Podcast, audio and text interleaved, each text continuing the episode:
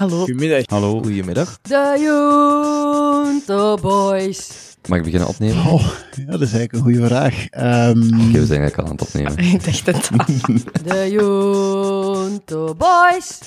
De Junto Boys. 1, 2, 3, 4. Zeg maar Herman. Dat ben ik. Maak fouten. Kijk om je heen. Kun jij deze eruit knippen? Blijf je verwonderen. Vind het talent in jezelf. De Junto Boys. Woe! Oh ja, en luister naar de podcast van Koop. Vandaag met uw gastheer Koben. Jongen, we zijn aan het opnemen, hè. Hey, dit, we zijn wel met de Junto bezig, hè. Met... Oké? Makker, dat gaat eruit, hè? Als, als Ja, je daarmee wilt Knip starten. dat voor nog van wat, hè? Sorry, man. Maar zijn we aan het opnemen of niet? maar ja, ik dacht... Vanaf nu. Vanaf nu. Vanaf nu. Vanaf nu. Dag Oké. jongens. Goedenavond. Teun, Teun, je hebt zo'n mooi koepje. Vanavond wel. Vanavond wel. Misschien Voor moet de je mensen die- beschrijven Teun, waar leg jij voor zit. Ik zit ehm, voor de oorsprong van de wereld. L'origine du monde. Noemt dat schilderij echt zo? L'origine du monde. Maar eh, ik moet wel nog eens naar de kapper, precies. Magnifiek. Nee, voor de luisteraars die eh, niet op de hoogte zijn, vanavond is de eerste keer dat we remote de Junto houden. Mhm. Eens kijken hoe dat gaat. Het is wel een beetje wennen, hè? Ja, het is wel Ik vind het wel een anders. beetje wennen. Ja, de dynamiek is anders als je het zo via Zoom doet. Ja, dat is absurd. Dat viel mij ook al op. Ik weet zo niet, ik wil zo'n beetje non-verbale communicatie maken en zo'n beetje te ver zo in iemands, naar iemands kruis kijken bijvoorbeeld, maar dat gaat hier niet. Nee, het is echt, het is echt het is, anders. Ik zal mijn hoofd een beetje Wow. aan de kant doen, dan kunt je in mijn kruis kijken. Ja, oké. Mensen die dat L'Origine du Monde niet kennen, eh, op Instagram komt er een eh, kleine foto en eh, eh, een klein video dat laat zien hoe dat Teun er hierbij zit. Ah. Oké?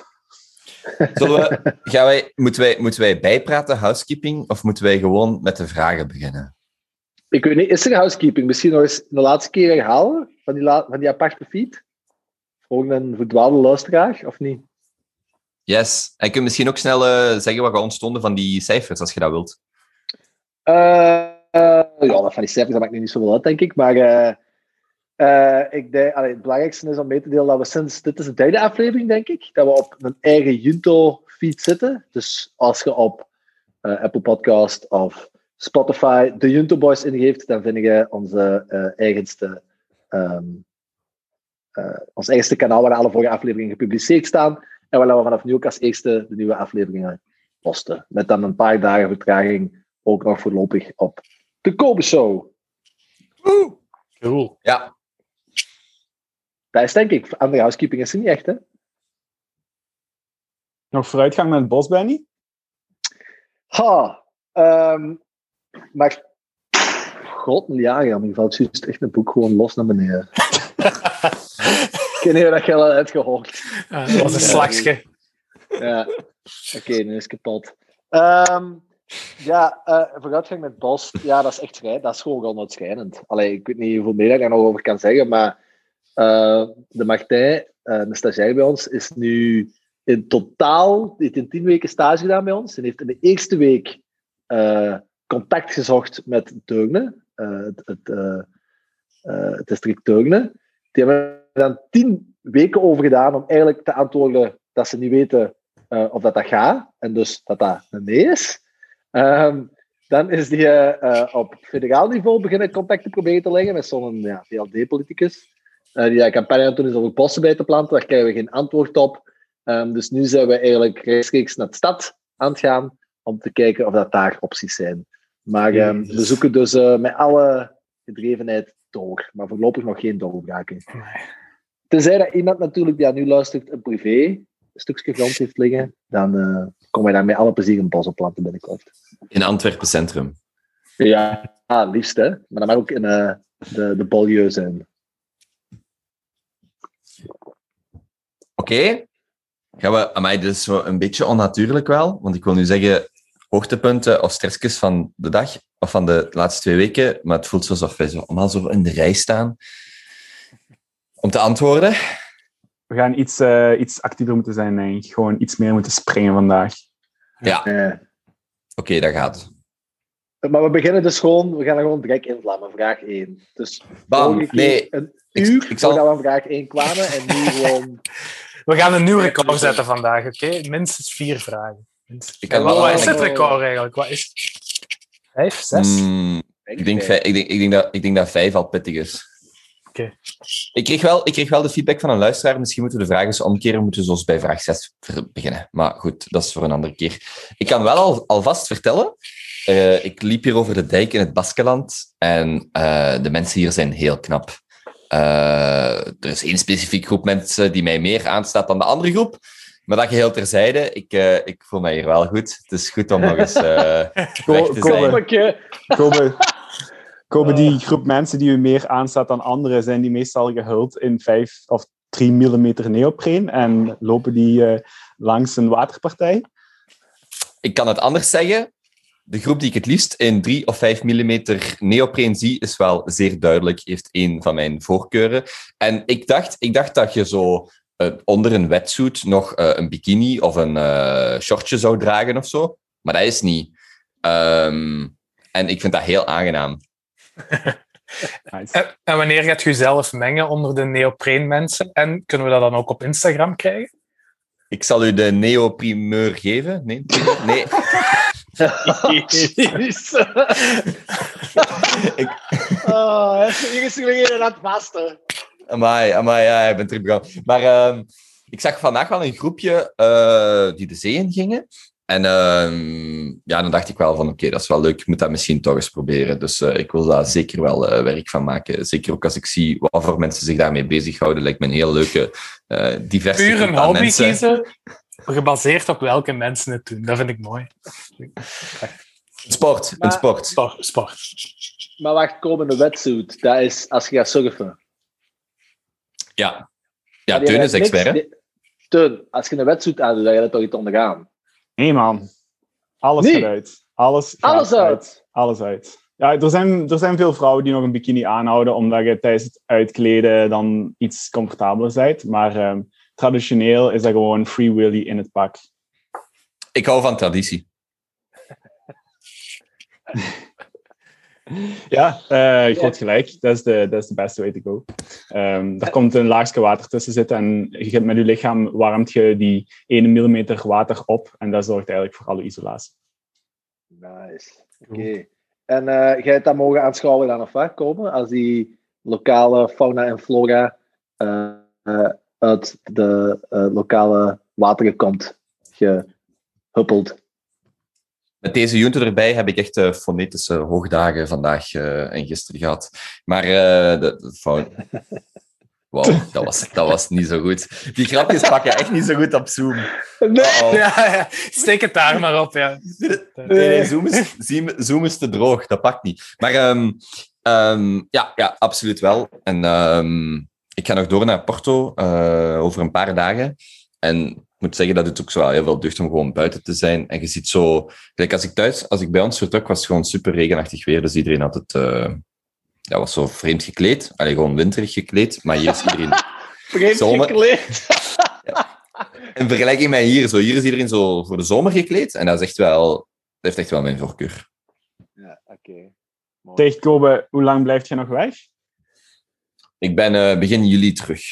Oké, wie, heeft het, eh, wie heeft de sleutel van Kobe's appartement? Want ik heb vrijdag nog een date in Antwerpen en ik, ik zoek nog een plek. Eh, Oh ik my, heb een Zoom is echt hoog. Ah, ja, ja. Ja, zo- Zoom is echt zo van... Oh. Oké, let's go. Volgende. Heeft de Basha, heeft de Basha niet uw sleutel komen? Eh, nee, niemand heeft mijn Nee. sleutel. Niemand heeft uw Hey. sleutel. En uw plantjes dan? Eén iemand heeft mijn sleutel. Aha. Ja, wie heeft uw sleutel? Dat zeg ik niet. Allee, man.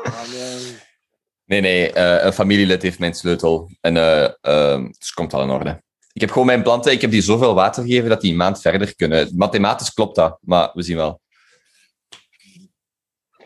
Oké, prima. Goed. Eh, enige hoogtepuntjes en of stressjes van uw eerste week op verlof komen? Ehm, ik heb wel... Nee, ja. Ik heb, een, ik heb eigenlijk een, eh, een grappige opmerking eh, deze week gelezen, maar ik heb Teun daarvoor nodig. Teun vergeleek, en zeker ook omdat ik in het buitenland zit, eh, valt daar nog meer op. Teun kreeg een berichtje van iemand die Belgische jongens met truffel mayo vergelijkt. Fuck, waar stond dit weer? Dat stond in de, in de chat. Ja, ik heb ja, in de Signal chat, ik heb de screenshot ook opgeslagen, maar ik weet niet of jij hem makkelijker vindt. Dat was zou- hoogtepuntje of wat komen? Ik heb daar wel nog veel over nagedacht. Oké. Ja, verder. Dus. Wel, dus, maar Teun stuurde een berichtje naar ons en ehm, ik weet niet of hij het gevonden heeft. Ehm, Eh, ik weet waar het staat. Maar eh, het kwam er eigenlijk op neer dat ik met iemand was aan het praten. En ehm, die, eh, die, die was niet echt heel erg content um, omtrent over, over de Belgische jongens. Eh ze was zelf van het Mediterraanse type. Ehm, en ze liet weten dat ehm, eh, dating Dutch or Belgian guys is like eating truffle mayo. At first you think it's interesting, but uh, after uh, a couple of bites, it starts to become boring. Um, Oei. en ze liet ook Ja. weten dat. eh ja, en toen was er nog een stukje waar dat Teun vroeg, when does it start to bore you? En let op, voor de luisteraars en voor ons, op wie lijkt dit het meeste, deze beschrijving? Lots of rules, make a schedule from one week in advance, thinking details every silly thing. Toen heb ik naar Benny gebeld en toen heb ik gezegd: zeg, zeg Benny, nee, nee, nee, nee, nee, nee, nee, nee, nee. Heb je daar al eens een keer mee gedate? Bleek van die. Bleek van die. Puur toeval. En jij wilde nu niet aangesproken, of wat? Nee. Ja, jongen, toch. Pasha. Dus de, Ja, nee, de- maar eh, het, het, mediterra- het mediterraanse type, die, eh, die zullen inderdaad misschien een andere, een andere eh, karakter gewend zijn als eh, die Vlaamse truffel mayonaise boys. Hè? Over truffelmayonaise boys gesproken, ik had nog een tweede hoogtepuntje van eh, de afgelopen twee weken. Er heeft er iemand een eh, podcast gelanceerd. Eh, misschien, ook, misschien ook hier even aankondigen. Mag dat? Ja, dat mag, maar ik weet niet hoe interessant dat het gaat zijn voor eh, de gemiddelde Indo Boys luisteraar. Maar heel kort, je hebt vanuit het, het bedrijf Bouwliving een podcast gestart over duurzaam ondernemen of duurzaamheid in het algemeen binnen, uw, binnen de bouwsector. En eh, jij host eh, een gast of tien de komende maanden. Allee, je hebt er nu twee online staan en je gaat maandelijks eh, een podcast maken. Ja, het idee was eigenlijk dus als volgt. Wij kwamen, we zijn er nu vijf jaar mee bezig en we zijn eigenlijk echt al zoveel interessante mensen tegengekomen die daar ehm, ja, coole shit in een bouw. Dus niet noodzakelijk rond duurzaamheid, dat kan ook innovatie zijn of, of eh, ja, nieuwe businessmodellen of noem maar op. En ja, gelijk de, de, de, de doorbraak was eigenlijk, of de, de druppel die dat emmer liet overlopen, was echt, jij dat nou? Jezus. Eh, nee, let niet op mij. Allee. Fuck. Oké, maar dus eh, een paar weken geleden um, uh, wandelmeeting gedaan met Bart Verrijen, de, een van de founders van Stramina Architecten. En dat is echt tot bureau dat zo bijvoorbeeld uh, Ringland mee heeft gestart en zo. En een uur gaan wandelen met die gast en je kon zo um, ja, gedreven vertellen over bijvoorbeeld Ringland of over de urbanisatieproblematiek in Vlaanderen. Dat, toen hebben wij al beslist van, ja, we moeten dat gewoon opnemen, die gesprekken. Dus uh, inderdaad, nu ja, één, één aflevering per maand of zo gaan we, uh, gaan we publiceren, we hebben nu twee gepubliceerd, met zo iemand. Ja. Alright, en het heet de Bouwliving Podcast. De Bouwpodcast. De Bouwpodcast. Bouw ja, het is in het Engels, het is mijn beste Camplish. Ja, cool. Ja, ja, ja, ja. Guys, Dus misschien je... een, een, leuk weetje over podcast, nu dat Benny er ook eentje is begonnen. Als je meer dan drie afleveringen hebt gemaakt, hoort je bij 90%, uh, dan hoort je bij de top 10% van podcasts die meer dan uh, drie afleveringen heeft gemaakt. Dus dat is echt al een grote shifting. En als je dan meer dan 21 afleveringen hebt gemaakt, hoort je in de top 1% van podcasters ter wereld. Echt? Maar Zoveel podcasts starten en falen. ja, zoveel baggerpodcasts zijn er eigenlijk. Dat is- Ja, dus vanaf, vanaf 21 hoort je bij de coole jongens. Oké, dat is ook nu een goede snippet. Jezus, man. Oké, dus... eh, deze, ja. deze feedback heb ik ook gekregen, dat we moeten beginnen te knippen. We, onze podcasts zijn te lang en mensen willen wel luisteren, maar ze zouden graag wat highlight reels zien. Ja, daar heb ik al van het begin zitten zeggen. Er zitten zoveel highlights in. En die even op YouTube posten. Maar ja, dat is extra werk voor Koben. Hè? Ja, Hey, ja, ja. dit is, dit is een eh, groepseffort gedeeld door vijf, hè? Klopt, klopt. Ja, maar er is toch wel maar één die permanent op vakantie is, hè?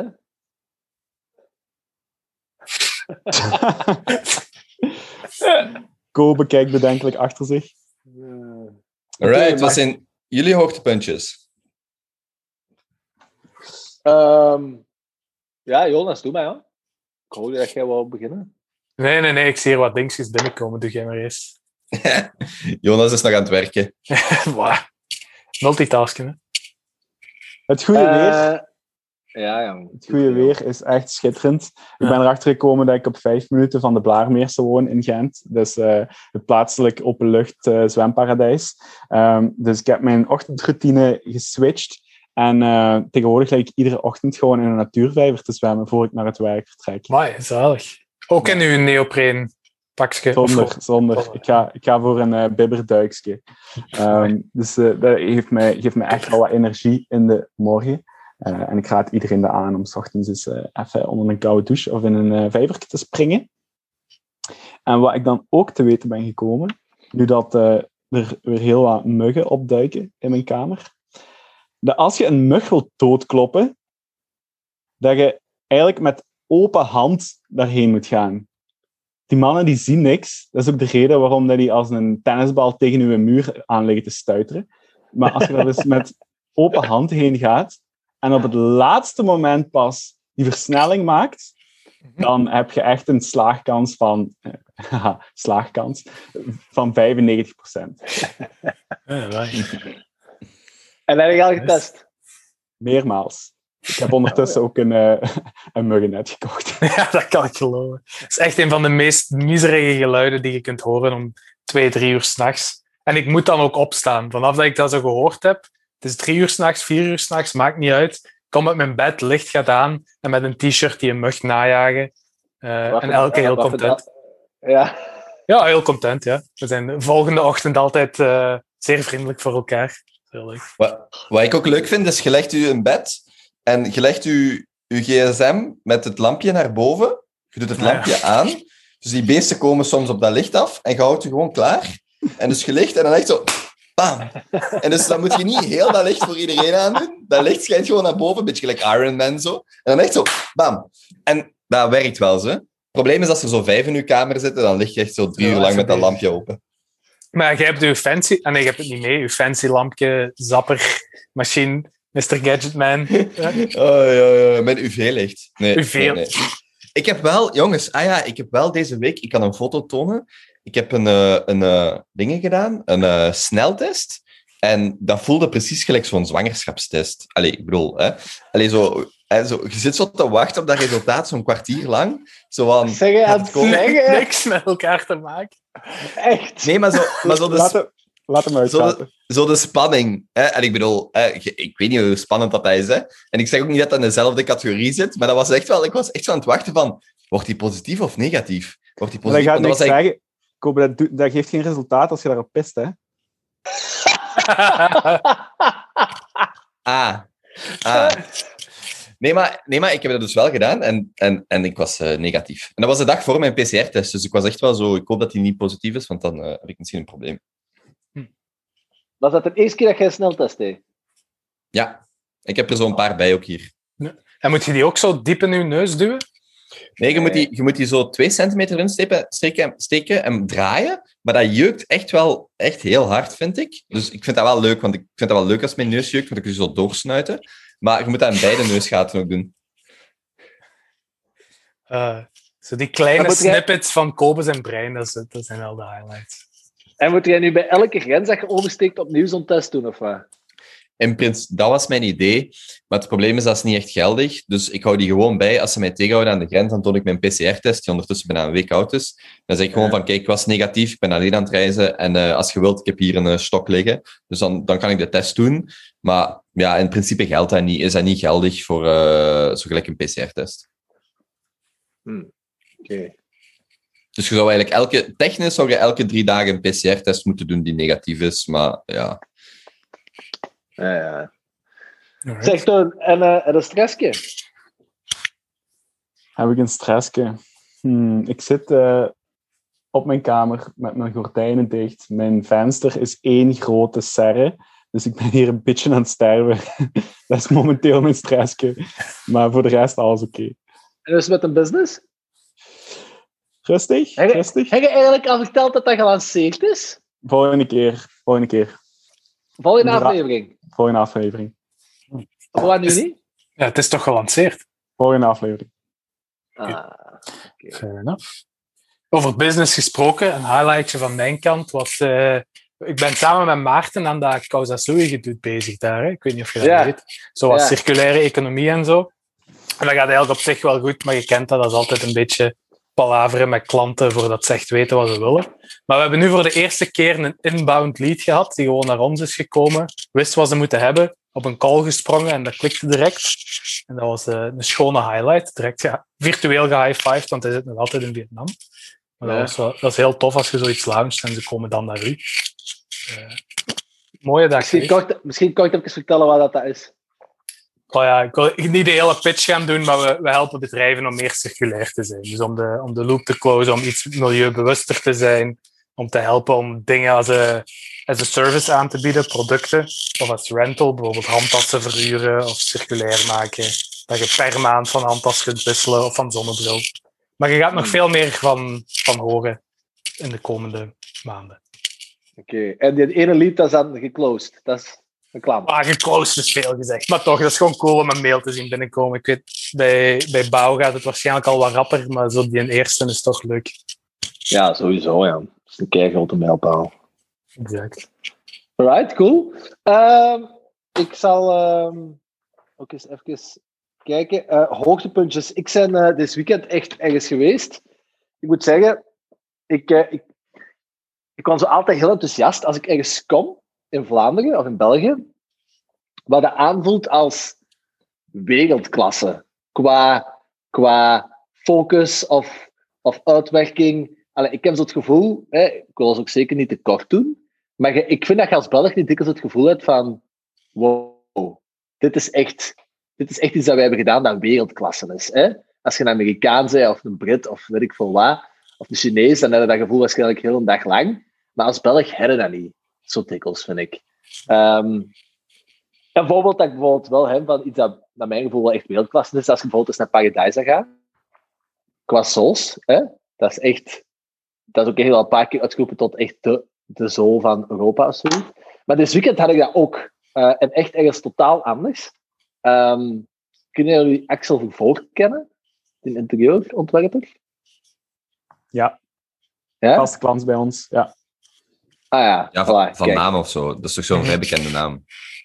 Ja, dus Axel Vervoort, ik ken die naam ook. En een paar maanden geleden begint er bij ons, of een paar weken geleden begint er bij ons een, eh, een, een stagiaire voor zes maanden. Een, eh, een Indische dame genaamd Maruga, die gespecialiseerd is in ja, architectuur rond, dat gebaseerd is op, op natuurlijke patronen. Bon, dat aside. Ehm, die is een week bij ons.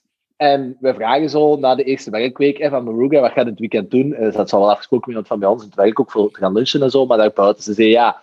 En die zei ja, ik, ik heb eigenlijk één ding, en dat is ook een van de voornaamste redenen waarom ik naar Antwerpen ben gekomen voor mijn stage. Eh, en dat is, ik wil naar, eh, naar het, ehm, de galerie en naar de site van Axel Vervoort gaan. En ik dacht, wat? Hoe, wat? Bedoel je? En die zegt, ja, ehm allee, dit klinkt misschien een beetje eh, bombastisch, maar Axel Vervoort is mijn god, mijn levende eh, fucking Jesus Christ. Dat is echt, die dat is echt, ja, dat is gewoon mijn, mijn inspiratie. En ik dacht, allee, oké, ik ken je naam wel. Ik weet dat Kanye West zo wel eens twee keer het jaar hier, eh, hier naartoe komt voor, voor met die gast een klapje te gaan doen. Dat hij, zijn, dat hij de Kanye zijn huizen ingericht. Maar ik had er eigenlijk gewoon ook bij stilgestaan van oké, dan moet dat wel echt de moeite zijn. Dus die ging daar naartoe, dat weekend. En maandag ik vraag van ja, hoe, hoe was dat geweest? En ja, echt zo de, de superlatieve. Ze kwam superlatieve tekort. Echt, ze zei dat is niet normaal.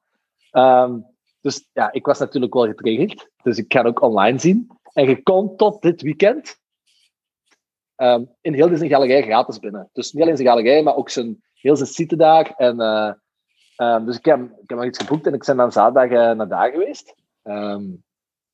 En ja, ik moet wel echt zeggen, wauw. Echt eh, een serieuze aanrader. Dat is echt zot. Dat is zo naast het kanaal in Weinigem. Ja, echt. Als je dat ziet staan, dan denk je wel van, oké, wat is dat? Maar als je daar dan doorwandelt, dat is wel echt ehm, zeer, zeer, zeer knap gedaan. Dat is echt Ben- zo... Je voelt echt als je daar doorwandelt van, ja, dat is echt iemand die ja, op wereldniveau bezig is. In zijn detaillering, in zijn gevoel voor aandacht, in, in alles erop en eraan. Ja. Wat moeten we ons daarbij voorstellen, Benny? Zijn dat interieuren waar je doorloopt? Is dat een galerij? Is dat een museum? combinatie van alles, maar dan op een heel site, waar dat hij eigenlijk... Hij silo's gekocht, dus dat is een oude zinkwekerij, met dus ook ja, van die heel hoge graansilo's precies. En daar heeft hij echt... ehm, dus een heel die site opgekocht en hij echt ja, een shitload aan geld verdiend ook. Door, die man is ook al 75 of zo, hè, dus hij heeft er al een heel carrière op zitten. Eh, maar hij heeft echt tientallen miljoenen verdiend. En die site de laatste tien jaar eigenlijk volledig omgebouwd naar zijn ja, zijn wereldbeeld, denk ik, van hoe dat een optimale eh dorp, een klein Axel dorpje er zou kunnen uitzien of zo. Dus echt van de volledige indeling van die appartementen tot, de tot de gevel, tot de renovatie, tot ook vooral de natuur dat er daar is aangelegd, is, ja, ik zeg het gewoon, ik wandelde daar door en dat was zo, echt, dat, dat voelde extreem rustgevend. Ehm, dat, dat klopte gewoon, zeg maar. Je wandelde precies ik kan het niet beter als, beschrijven als gewandelde precies door een schilderij. En En dat is is, echt is, heel dat, cool. is, dat, is dat nog open of is dat gewoon niet meer gratis? Nee, dat is echt, dat is gewoon dat, die, dat stukje natuur en tussen, die, tussen deze appartementen, tussen deze development wandelen, dat is gewoon open terrein. Ehm, dus dat gaat. Maar nu het coole is, dat die heeft daar ehm, één, een galerij, waar dat nu drie eh, tentoonstellingen waren, maar die heeft daar ook twee permanente ehm, eh, eigenlijk werken staan, waarvan het eentje, en ik ga de namen er even bij pakken, hè. Ehm, het eentje, eh, het eerste dat we hadden gezien was van James Turrell. Weet niet of die naam, die, naam jullie iets zegt? Nope. Ja, dat is, ik denk dat de Kanye bijvoorbeeld, die heeft die waarschijnlijk daar leren kennen. Dat is zo, met Sunday Service heeft Kanye West zo, ja, dat hem zo die, ja, die, die preaching doet. Ja. Maar dat je in die, in die locatie waar hem dat voornamelijk deed, daar hangt ook zo heel, een heel groot kunstwerk met licht. En die James Turrell, dat is een 75-jarige oude Brit. En die heeft eigenlijk ook een heel kunstcarrière opgebouwd rond het werken met, ehm, ja, met licht en geluid. Dus wat hij, daar, wat hij heeft gedaan op die site, is de, een kapel volledig dichtgemaakt. Volledig, eh, alle ramen dicht, alle lichten uitgebannen. En dan heeft hij ehm, een beetje een klein labyrintje gemaakt om naar binnen te komen. En dan wandel je dus echt in de donkerste ruimte, waar je gewoon een heel lange tijd zijn geweest. Daar is volgens mij ook iets speciaal gedaan, dat dat zo echt pik, pik, pik zwart is. Maar dan op de uiterste muur is één groot vierkant eh, licht. Bijna zo wat een tunnel waar je naartoe zou wandelen als je komt te sterven of zo. Eh, en dat is echt, dat, dat is heel raar. Dat fokt echt mijn kop. Je kijkt daarnaar en je denkt, oké, dat is twee meter van mij verwijderd. En dan begin je daar naartoe te wandelen en dan merk je van, oh shit, dat is echt 12 meter van mij verwijderd. En je wandelt daar naartoe en je brein begint zo echt te flippen, want dat is, ja, dat, hetgeen wat je ziet en wat je ervaart, komt niet overeen. Eh, dus dat begon zo, ja, ik ben echt een klein beetje misselijk zelfs. En Hey, wacht, je wacht. Als je, als je zegt hetgeen wat je ervaart en ziet komt niet overeen, is dat goed om iemand op date mee te pakken of is dat te intens? Eh, het had wel een, iets romantisch na een tijd, vond ik. En het is daar ook echt compleet donker, dus je kunt echt gewoon staan schuren en muilen tegen de muur, terwijl er twee meter verder iemand anders ook naar dat kunstwerk aan het zien is. Dat moeten Dus- we hebben. Prachtig. Ja, dat biedt opties. Hm. Ehm, maar om de mindfuck compleet te maken, dan kom je eigenlijk aan die muur, hè, op het einde van die kapel, en dan gedacht dat dat gewoon een lichtgevend vierkant was, maar op de, op de, vloer, op de wand. En dan sta je daarvoor. En in één keer wil je dat aanraken en stikt je vinger daar gewoon door. En realiseer je van, oh fuck, dat is een kot. Dat is gewoon een gat in de muur. En je kunt je hele arm daar doorsteken en dat stopt gewoon niet. En dat is echt, dat is zo gaar. Dat is niet normaal, ja. Dat is echt geweldig. Dat is precies een, een trip of zoiets. Echt heel cool. Ja, ehm, ja, dat was een van de twee. Het andere was eigenlijk nog gaver, maar dat is, dat is misschien te lang aan het uitbreiden. In elk geval, uh, zwaar aanrader. Echt, eens, echt eens gaan zien. Klinkt heel vet, man. En is het echt zo kunstzinnig allemaal? Of zijn het ook dingen die je bij jezelf kunt die, van interieur en zo? Hè? Niet, niet Wat, van, wat, wat, bedoelt je met die, wat bedoelt je met die nuancering, Jonas? Ja, zo. Dat je dingen ook bij je eigen huis kunt toepassen van interieur daar. Goh, ja, het is zo wel echt je gast die ontwerpt, echt voor de Kanye's van deze wereld. Hè. Dus als je daar door die site wandelt, allee, dat, dat ziet er allemaal extreem aangenaam en, en mooi uit. Maar als je dan naar die materialen gaat kijken en zo, dan beseft ook wel van oké, okay, je stikt wel echt gewoon een klein fortuin in, in uh, het hele renoveren ervan. Ik zal u een paar Um, facturen van bij ons doorsturen, Jonas. Dan krijg je een... eh, Is goed. Vaste klant of wat bij Elle? ja, die komt wel eens langs. Ja, dat is wel echt zot. Want Maar- met die, ja, zeg maar. Allemaal, allemaal natuurmaterialen, hè? allemaal hoogwaardige materialen, alles met krepie bezet. Ik denk dat Vincent van Duizen daar ook eh, de, de, de helft onder handen neemt. Dus eh, dat is gewoon crème de la crème waar dat die gast mee werkt. Ja, dat is wel echt gaaf. Allee, en, eh, ja, ik zeg het, als iemand precies dat wij als, als Belg niet genoeg eh, erkennen of zo. Want een vriendin van mij, alleen een, een goede maat van mij, deze vriendin eigenlijk, die werkt daar al vijf, zes jaar of zo. En die zegt ook, ja, dat is echt geflipt. Hè. Die vent is 75 jaar. Die is in gemiddelde niet-COVID-week. Zag er echt uit als zo maandag naar Los Angeles voor, een dag of anderhalf. Dan Hongkong, eh, eh, Dubai, eh, Parijs, Moskou. En dan tegen zaterdag terug thuis voor de zondag toch in Antwerpen te kunnen doorbrengen en Van Haag. En dat doet hij gewoon nu nog op zijn 75ste elke week. Dus echt zo hoeveelheid energie en drive dat zo iemand heeft, dat is echt... Ja, chapeau. Cool. Interessant topic. Nog een stressje gehad. Dit, dit, Eh. voelt allemaal, dit voelt allemaal zo droog en zo vreemd en zo. Beetje gelijk, gelijk onze eerste keer of zo. Eh, dat is allemaal zo wat zoeken. Beetje droog. Hoog en vreemd. Ja, ik bedoel, ik bedoel de Over Junto. welke, over welke eerste keer ga jij het nu komen? De, de Junto, uiteraard. De Junto. Eh, Nee, ik vond het oprecht, is oprecht een, eh, een, een mooie uitweiding van, eh, van Benjamin. Ik ben wel benieuwd naar dat tweede ding, dat andere hoogtepunt, wat nog beter was. ja, ja, maar dan zijn we dan precies echt aan het over aan het oogbouwen. Maar dat is voor de volgende keer. Ik zal, ik zal het, het, tweede, het tweede werk dat echt uh, serieus een week naar gaat, dat zal, uh, zal ik binnen twee weken eens uit de doeken doen. Alright. Ja, en een stress. Ik heb Seaspiracy gezien. Ik weet niet of dat jullie ook al Van gehoord? gekeken. Koven, nee?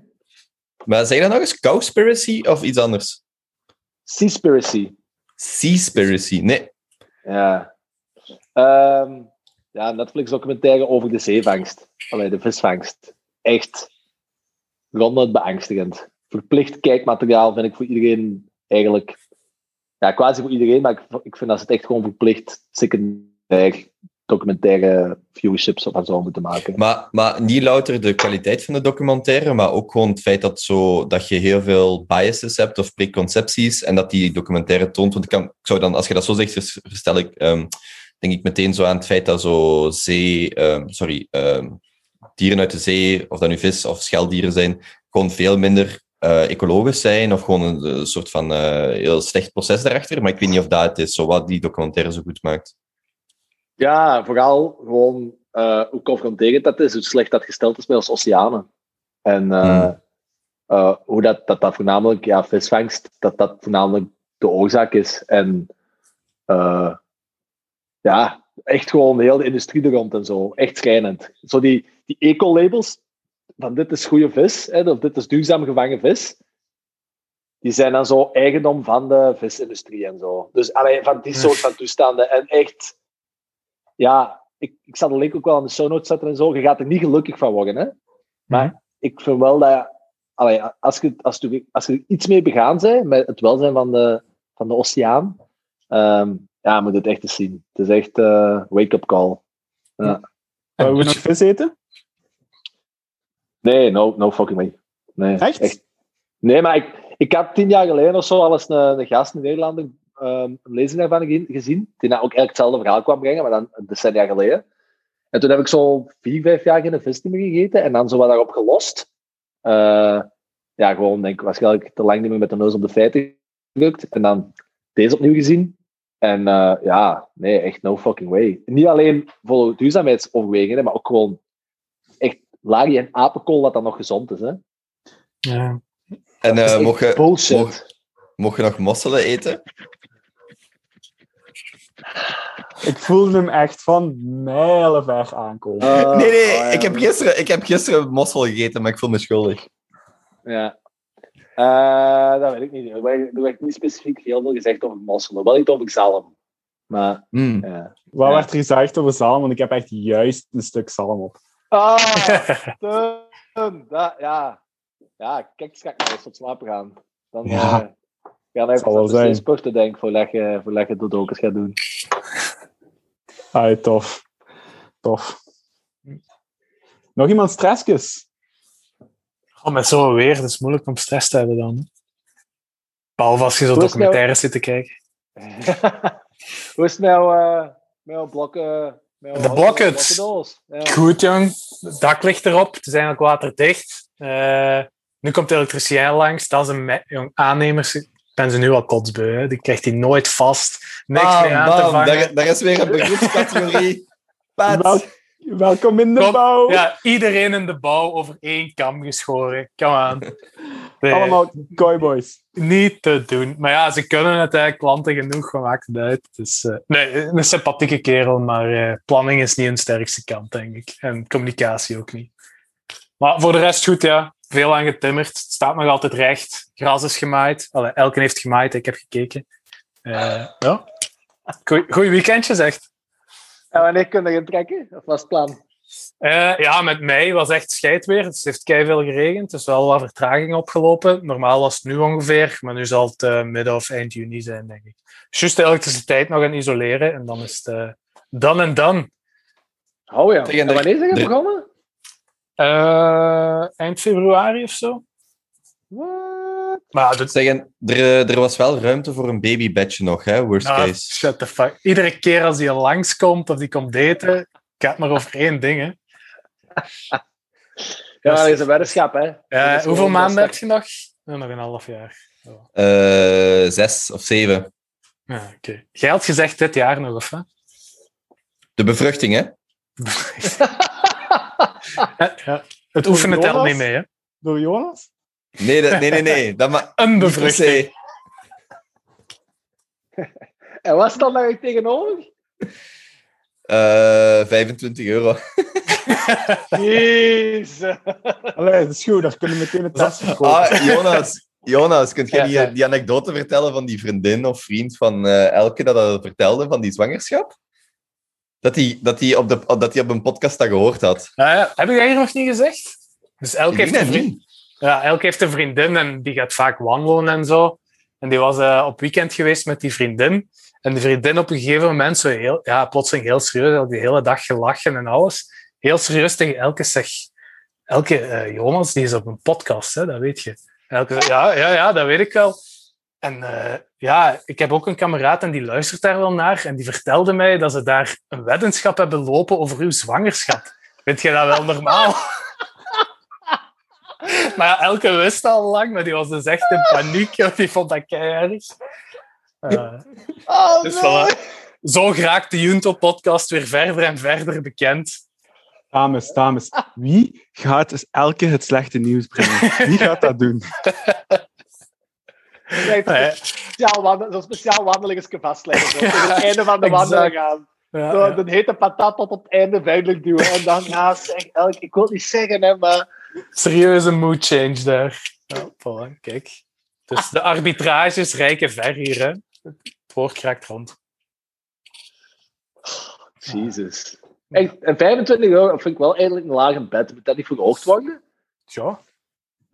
Wil Als jij het- verhogen, Eh, Jonas? Wil Hm? jij verhogen? Eh, op wat wed ik? Op wel of niet? Als ik op niet kan wedden, dan zet ik een paar duizend Jij euro. zet, maar jij zet, zet nu toch ook op, jij hebt nu toch ook op niet staan? Wat? Eh, zegt- ik- doe ik mee aan die wetenschap? Ah nee, Jonas doet niet mee met die weddenschap. Ik denk dat Wie- het tussen nu en Koben is, niet?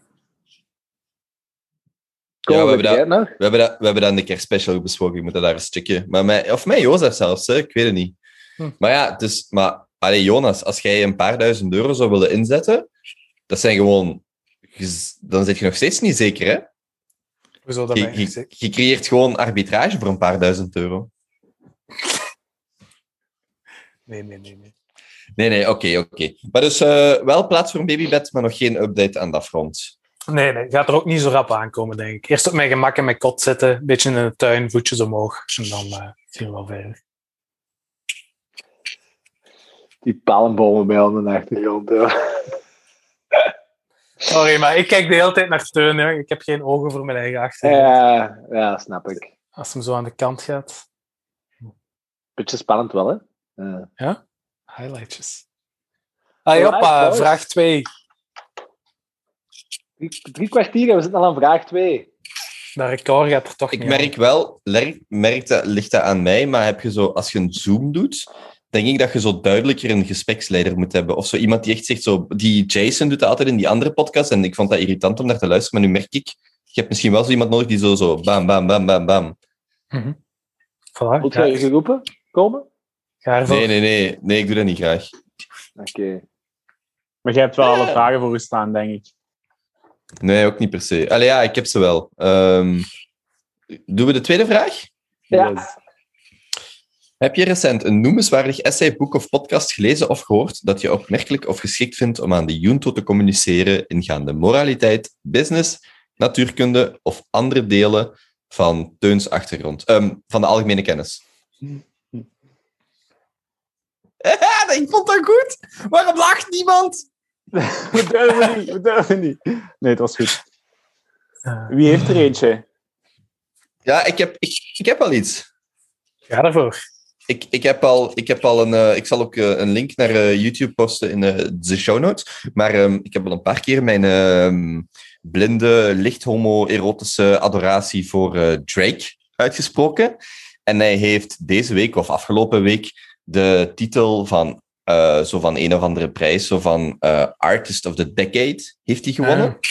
En ehm, volledig, volledig eh, terecht volgens mij. Maar de vorige artiest van de, ja, de heet dat dan, van de 2000 tot 2010 was Eminem. Dus dat is al de tweede rapper ook op rij.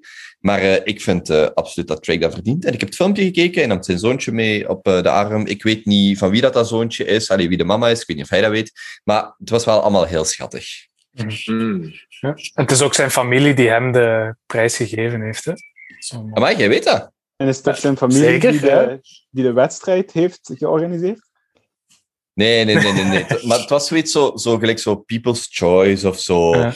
Ja, Ja. ja zo, zoiets waarvan je zo... Ik kan het niet goed inschatten. Dat is niet zo gelijk de Oscars of de Grammys of de, de, de, de British... Hoe heet dat daar weer in, Brit- in Brittannië? Maar, ehm, maar blijkbaar wel zo'n grote prijs. En eh, ja, er is ook zo'n filmpje over hem.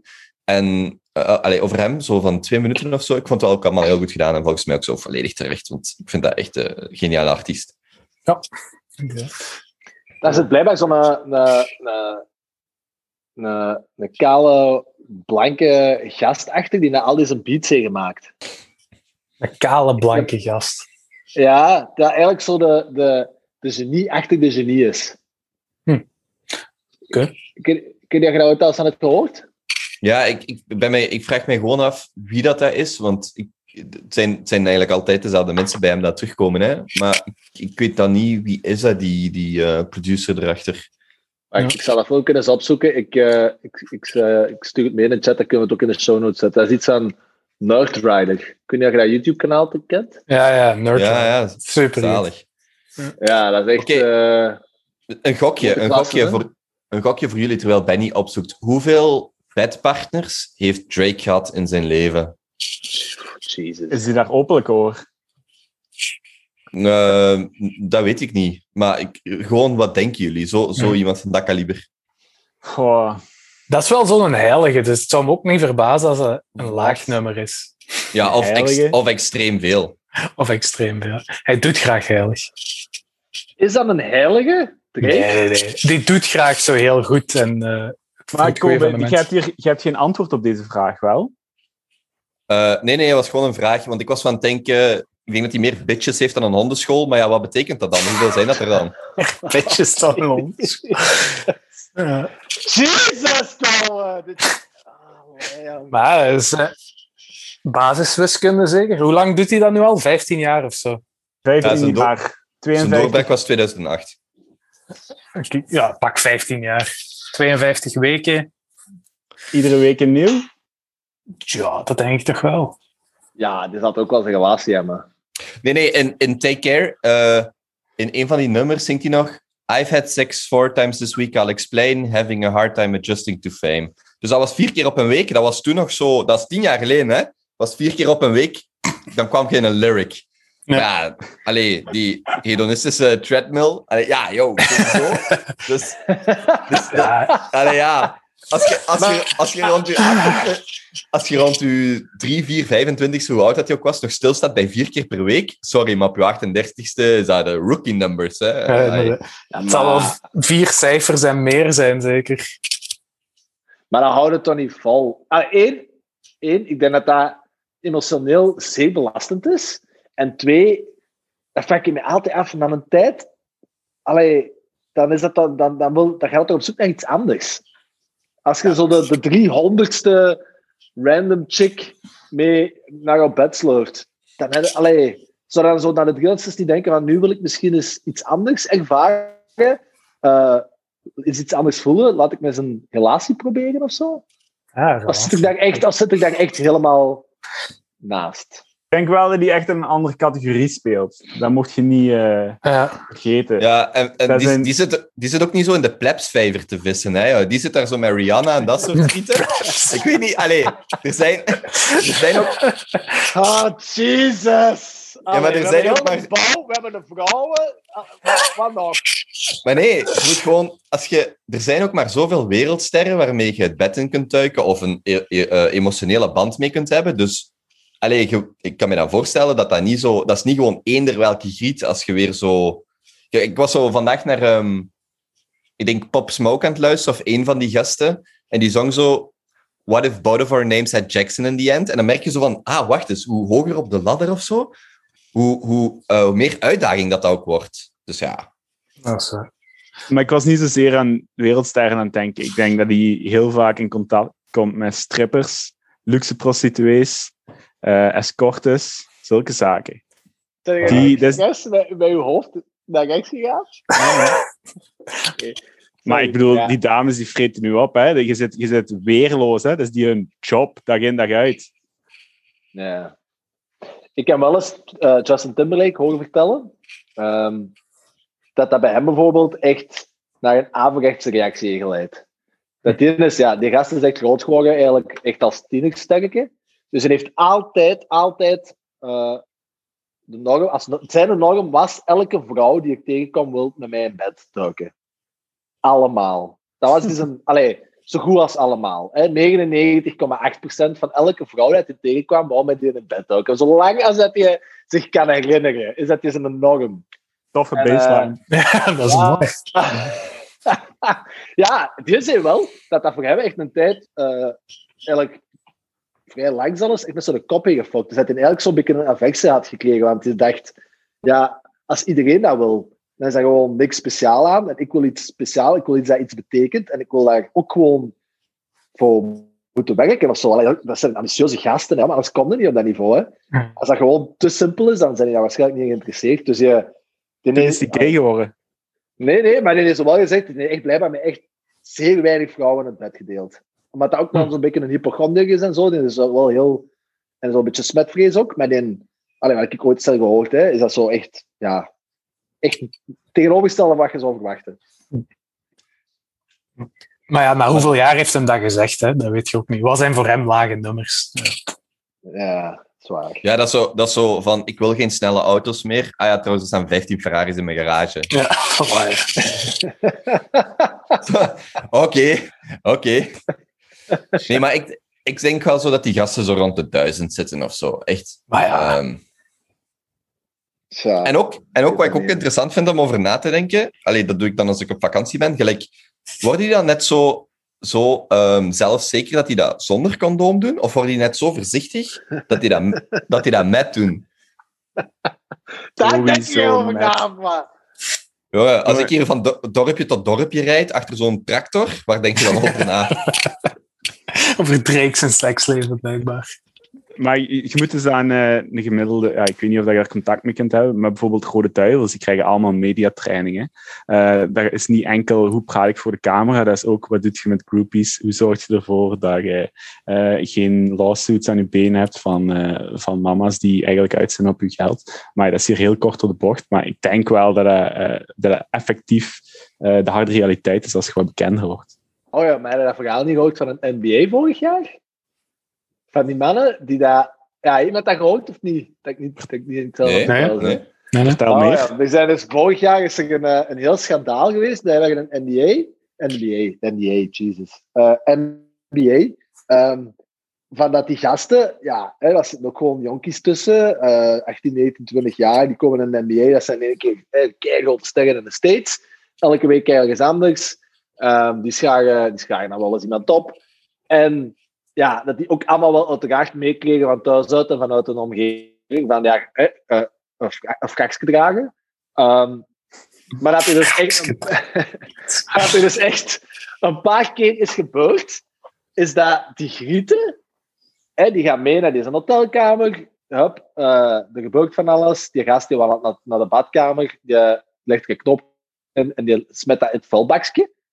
Die griet Oh, nee. s'nachts wakker, die haalt die condoom uit dat, uit dat vuilbakje en die laat dat impregneren. En dat is echt een paar keer gebeurd, blijkbaar. En dan hebben die over een heel NBA de richtlijn gekregen van als je het vrachtje afdoet, doorsassen, niet het toiletbakje doen. amai. Heel Next level, hè? riolering. Gellig, hè? Zotte Ja, wereld, zotte wereld. Heftig. Guys, ik heb ook nog eh, een paar podcasts geluisterd. Allemaal rond één thema afgelopen week. Ik ben er in ieder geval dieper ingesprongen. Ehm synthetische biologie, het is al een paar keer gepasseerd, de laatste weken. Zo hier en daar een paar eh, zaken laten vallen. Nee? Ehm, komt er eigenlijk op neer dat de vooruitgang in synthetische biologie echt eh, ehm, heel indrukwekkend begint te worden. Ehm, een goed voorbeeld is eh, de Human Genome Project, waar dat we tien jaar, wacht, eh, ik denk dat we er in 1993 mee gestart zijn. Eh, dat heeft dan 3 miljoen, was eigenlijk 3 miljard dollar opgeëist. En daar heeft een heel team aan gewerkt om in 2003 een volledig menselijk genoom te kunnen uitlezen. Dus een volledige sequence te hebben en dat te kunnen vertalen naar een codering. Momenteel kun je voor 300 euro je eigen DNA laten uitlezen. En dat is eigenlijk volledig.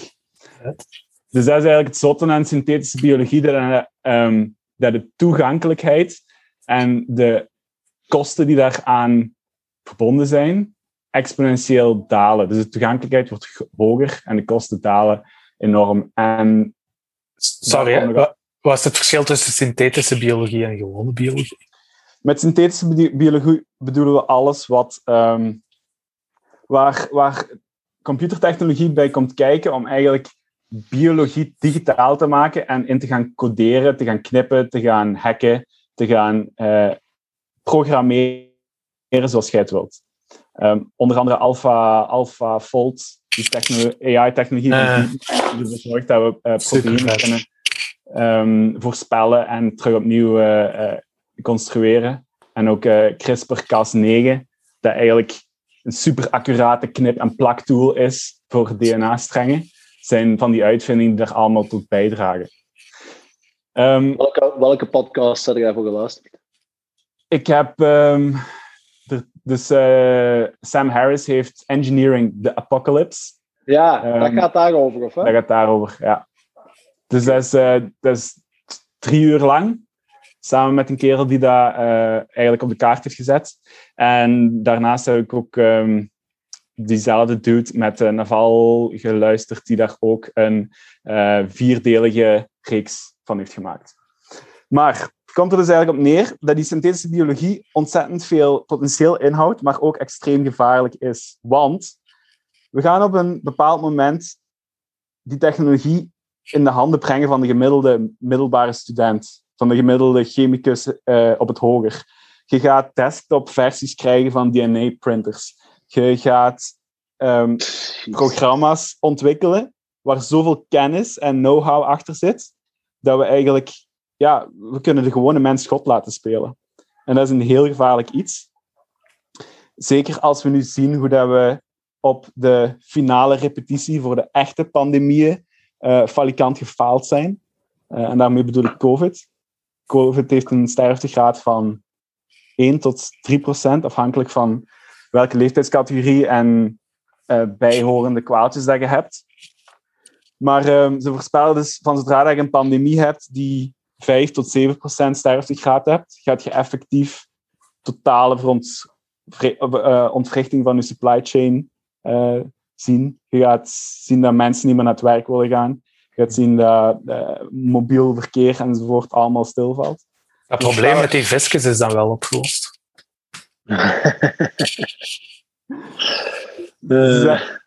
Ze zei dan, als we richting, als we richting uh, meer, een sterftegraad van hoger dan 15% gaan, dan gaat je zien dat mensen die het elektriciteitsnet moeten onderhouden niet meer uh, opdagen.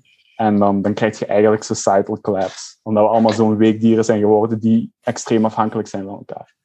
Maar is er ook niet zo'n zware correlatie tussen um, de, dus de hoogte van, allee, de procentuele kans op sterfte en de, de snelheid van verspreiding?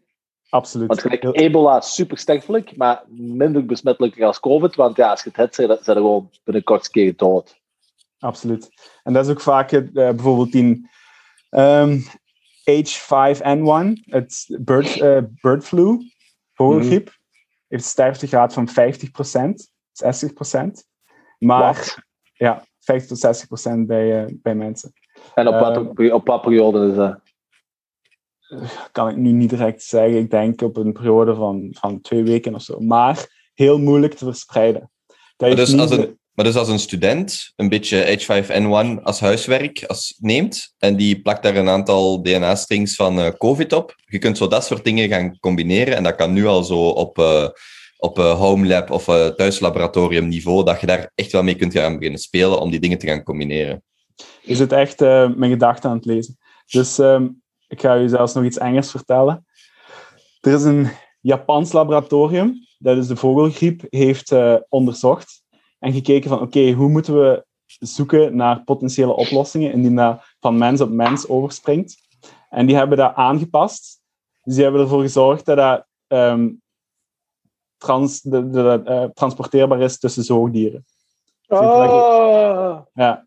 Dus ze gebruiken, ze, gebruiken, ze gebruiken fretten om te testen, om, als, als testpersonen. Fretten is eigenlijk het meest gebruikte zoogdier uh, dat instaat voor de mens als, als, test, uh, als testalternatief.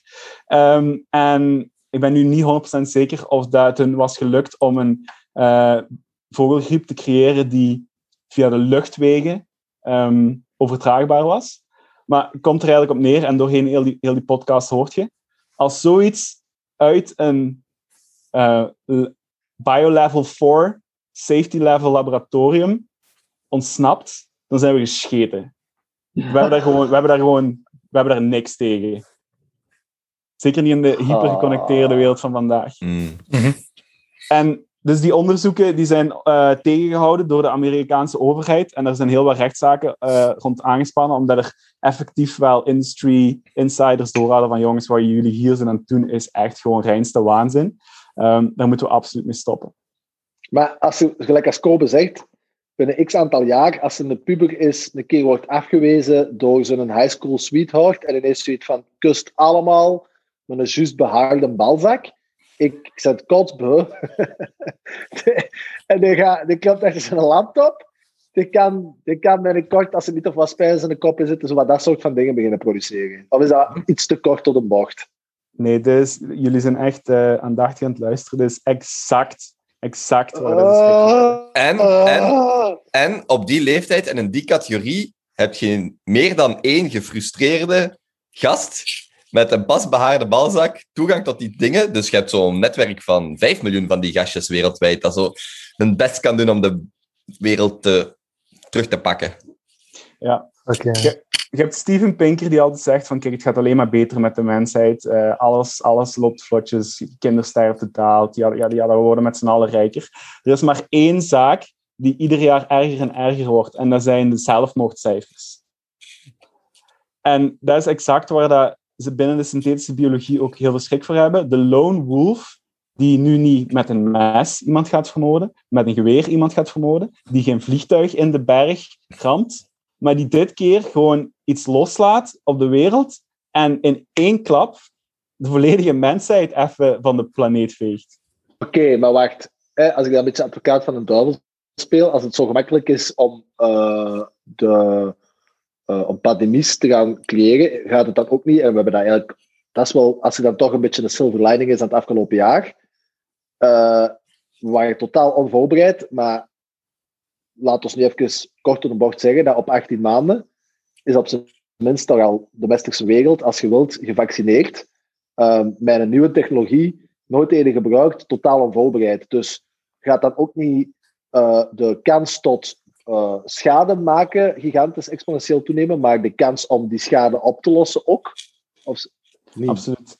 Ehm, het goede is, het, het aangename is, ik word er eigenlijk heel content van, dat COVID zo, ehm, dat het zo besmettelijk was, maar zo een, een, een zwakke, of een lage sterftecijfers. Ehm, en dat het eigenlijk een soort van generale repetitie is om ons wakker te schudden. En, en nu als mensheid een, een, een identieke immuunreactie te creëren, zoals we hadden voor nucleaire eh, bommen of atoombommen. Eh, wat, eh, ons collectief bewustzijn eigenlijk een beetje heeft, heeft, heeft wakker geschud en gezegd van kijk, no way dat we dit mogen toelaten. We moeten hier alert voor zijn. Dit moet hoger op de agenda komen. Uh, het is ons gelukt met, met, met uh, atoombommen. Dus dat is ook de reden waarom ze al die podcasts nu de wereld insturen. We moeten veel aandachtiger worden voor synthetische biologie. We moeten daar structuren rond gaan opzetten. We moeten kijken naar andere technologieën zoals uh, cryptografie, waarbij dat je een technologie ontwikkelt die u als verdediger in uw zetel laat zitten, maar waarbij de aanvaller extreem veel brute kracht moet gebruiken om er door te dringen.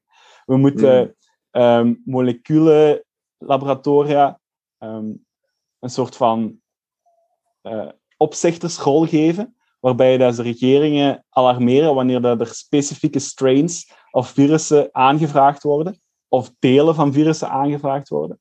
Uh, er moeten bepaalde chips komen in DNA-printers. Heel dat netwerk, heel die infrastructuur om ons tegen die synthetische biologie en de uitwassen daarvan te beschermen, moet op poten gezet worden. En daarnaast moeten we ook veel meer aandacht gaan hebben voor um, de minder bedeelden in de samenleving of degenen die tussen de mazen van het net glippen en, uh, en, en op, op een depressief of een nihilistisch pad terechtkomen. Even, even een vraagje. Um, hoe zou je dat kunnen arbitreren in de zin van offsite woning? Is dat, is dat iets wat helpt? En twee, zijn er uh, zo opportuniteiten of zo, of di dingen om te volgen? Ja, ze zijn bezig met uh, pathogen scanners. Dus dat zijn effectief grote filtersystemen die je in je luchtzuivering steekt en die on-the-spot analyses doen van welke moleculen er in, de, in luchthavens in, in publieke gebouwen hangen. Tesla staat heel ver met hun HEPA-filters. Um, het is eigenlijk... Yay. Er is geen gezonder, er is geen gezondere plek om in te zitten in LA als in uw Tesla. Um, dus er, er, is van alles bezig. Uh, maar inderdaad, een hmm. beetje op een eiland gaan wonen zou wel kunnen helpen. Ik, ik ben zo aan het nadenken. Allee, ik ben zo aan, aan het... Uh, ja, gewoon aan het nadenken dan daarover. Maar... Um, ik weet niet, was dat ook op de podcast? Dat, dat, hebben, we dat, we dat zoals uitgelegd? Ik wist dat niet, maar ik heb daar recent geleerd hoe dat het griepvaccin wordt gemaakt. Ja, met zo die, die seizoensgebonden dingen naar Australië of zo. En dat die, dan op, dat die dat opsturen en dat ze dat even voorbereiden voordat de nieuwe, um, weet dat, de nieuwe vorm of de nieuwe sting of zo aankomt. Ja, dus dat is gewoon een, een, eh, Ja, zo'n pingpong. elke zes maanden wordt er gewoon dus afgewisseld. Het, is, het is zomer in, eh, in Australië. Daar is nu weinig griep. Eh, of veel, ik weet het niet juist. Maar die zijn dus nu aan het voorbereiden op basis van de griep. De griepvirus die dat dan in Europa zitten. Die maken daar hun, eh, eh, hun vaccin. Die bereiden voor tegen dat dat virus dan daar is. Schieten in. En dat is wel inderdaad 30, 40 jaar die pingpong aan het gaan is.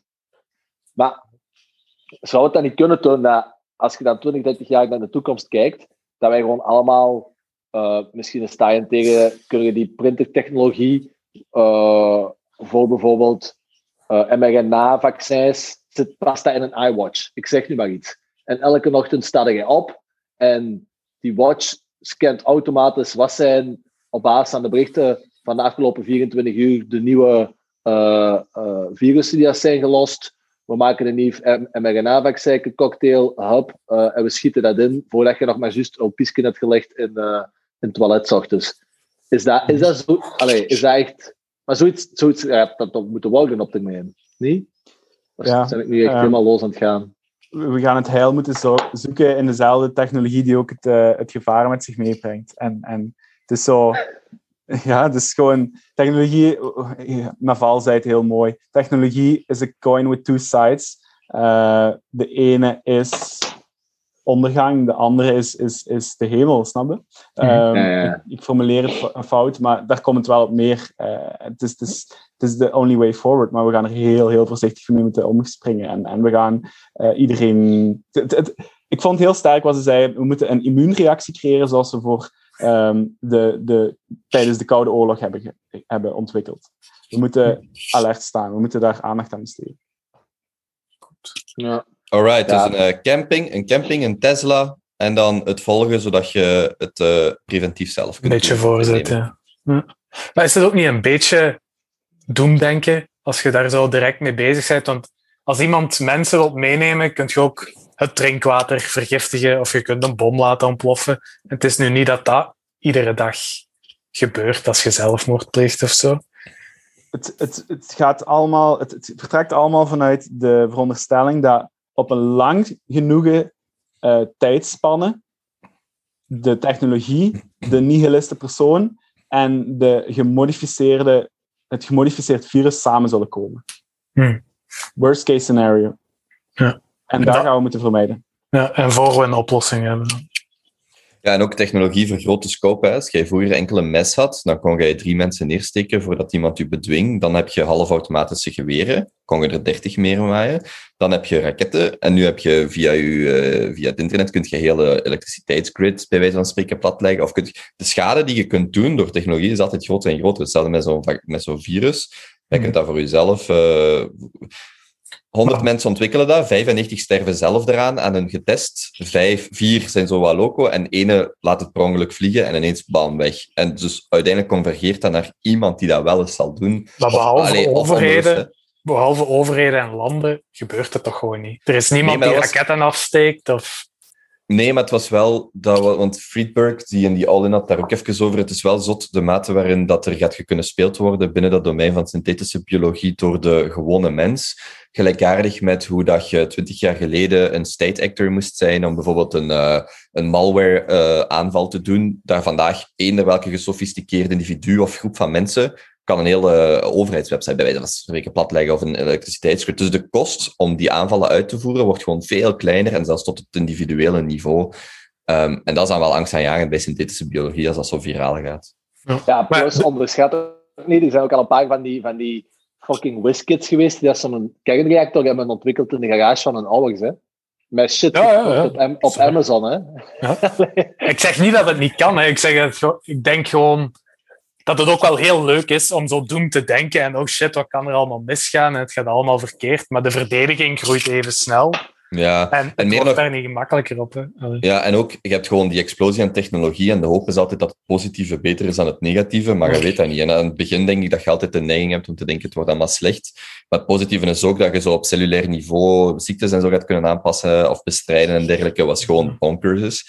Maar ja, de is dan gewoon dat het niet, dat niet misloopt voordat, Ja. het, eh, voordat je de vruchten kunt plukken. En ik kan ook zijn echt... aan, zeg maar, Zeg maar Ik kan ook echt niet inschatten hoe ver het nu echt staat. Want we gingen zo gezegd ook al allemaal rondrijden met zelfrijdende auto's en allemaal geweren printen bij ons thuis. Nee, zelfrijdende Uiteindelijk- auto's, zelfrijdende auto's is van 2024. Ja, ja, ja, whatever. Maar, en al die dingen gaan ook allemaal trager en zijn uiteindelijk al twintig jaar bezig. En ja, ik weet niet hoeveel sensatie... Ik weet het echt niet, hè. ik weet er niks van. Ik heb het niet geluisterd. Hoeveel daarvan sensatione- sensationalisme is. Ik denk dat ons dat zeker triggert hè, om daar naar te luisteren. En dat, dat, dat, dat heeft gewoon zo'n heel eh, een aandachgrijpend, aandachgrijpende factor. Maar juist daardoor gaan we die beveiliging daartegen kunnen ontwikkelen, denk ik. Ja, Dus- fair enough. Triggert u dat? Heeft, wie heeft hier al ooit opgezocht om zo eh, voedselpakketten te, te bestellen? Voor het geval dat? Ik, eh, Ja, ik tuurlijk, ook. Ik ook ja. Ja, ja. tuurlijk de komen. Tuurlijk de komen. Wie, heeft Weet al je- iemand besteld? weet je hoeveel dat die waard zijn als iedereen dat nodig heeft? Ja, voilà. De- ik heb daar ook nooit echt bij stilgestaan, maar zo bij COVID dacht ik toch, als je dan zo'n paar van die ingevroren maaltijdjes hebt, toch wel chill. Maar zouden jullie dan effectief proberen te overleven? Ik zou eerder een hele dosis slaappillen klaarleggen. Maar, maar de, vraag is, ja. de vraag is, heb je die slaappillen klaar liggen, en masse? Ik wel. Jesus Christ. Maar het hangt ervan af wat het is. hè. Als het inderdaad zo'n virus is dat iedereen uitwipet tot daartoe. Maar pak iets dat twee keer zo erg is als COVID. Dat is genoeg als je erdoor raakt dat het terug oké gaat zijn, maar wel heel erg kut als je niks hebt. Heel erg kut. Heel erg. En het kan, hè. De supermarkten hebben stilgelegen. Je kon er niet naartoe, je kon geen eten halen. Ja, pakt nu twee keer zo lang, drie keer zo lang. Nu, Jonas, de grap was dan wel, als je dan verwacht dat supermarkten stil liggen, dan verwacht je dat er een voedseltekort is. Bij ons was er een wc-papier eh Ja, ik- roze. Dus om, om maar te zeggen, op voorhand, op voorhand heb je een rampenplan, gezorgd dat je food supply chain in orde is. En wat gebeurt? De mensen hamsteren fucking wc-papier. Dus dan denk je zo, ah ja, wacht, dus de realiteit is nog iets anders dan de theorie. Ja, klopt. Maar wel heel Ik, cool, eh, hè. Ik, eh, ik, ik, ik, ik verschot ook wel, want we zijn nu in, volledige in hypotheses aan het spreken, maar als je dan, als je dan zo de laatste weken hebt gevolgd in de States, als eh, Trump dat zei, en met alle redenen waarom dat aanzien dat zei dat niemand dat geloofde, dat, eh, eh, dat we toch eens moesten gaan kijken naar dat laboratorium in Wuhan, waar dat de COVID mogelijk zou uit ontsnapt worden, dan was, was een racist en, en een idioot. En opnieuw, ik snap waar dat, dat komt, want dat is een idioot en waarschijnlijk ook een zware racist. Ehm dat gezegd zijnde, eh zijn we nu, hoe lang? Nog geen half jaar hem is afgetreden, verder. En wie heeft deze week of zoiets moeten, her- eh, recent moeten herkennen dat er inderdaad meer en meer plausibiliteit in zit in die verklaring? De, de Biden heeft dat toch ook? Uh, heb ik het toch begrepen dat in All In, dat hij dat erkent? Of dat dat echt een, een Er is een onderzoek op. is dat ze nu... Ja, dat staat pad is dat ze nu echt effectief aan het behandelen zijn. Dus Ja. zitten we gewoon al in de gevolgen van het feit dat we met die synthetische biologie aan het kloten zijn. Hè? Maar er is, er is een website, ik ben hem even aan het zoeken, die Balaji heeft dat gedeeld. Ik ga hem sowieso in de show notes zetten. Er is een website, die, een soort van GitHub, die helemaal documenteert, als, al van een jaar geleden of zo, wat de case is om uit te leggen dat het toch een lab leak zou kunnen zijn, maar echt op een soort van... Het zijn zo ona- ehm, anonieme researchers. Hier, voilà. Project, koppelsteken... eh, ehm, project, koppelteken, evidence.github.io. Ik zal het in de show notes zetten. En dat is, dat is al van 16 april 2020. En dat is echt een hele thesis eigenlijk over exact dat punt dat zij maken. En dat was dan frustrerend als de ene, wie dat, dat nog eens zegt, ja nee, dat is racistisch, hè, want China kan dus racistisch. En nu begint die theorie tenminste meer besproken te worden. Maar daar zijn heel, he- dat is een heel interessante lectuur om te zien in welke mate dat, dat zou kunnen zijn en wat dan de consequenties al dan niet eh, zijn. Maar het idee dat het zo, los nog of dat uit China komt, maakt eigenlijk niet uit, maar zo man-made, dat je ziet zo, ah ja, wacht, één, één lokale actor kan een hele wereld zo even eh, ja, in lockdown dwingen. Lam liggen.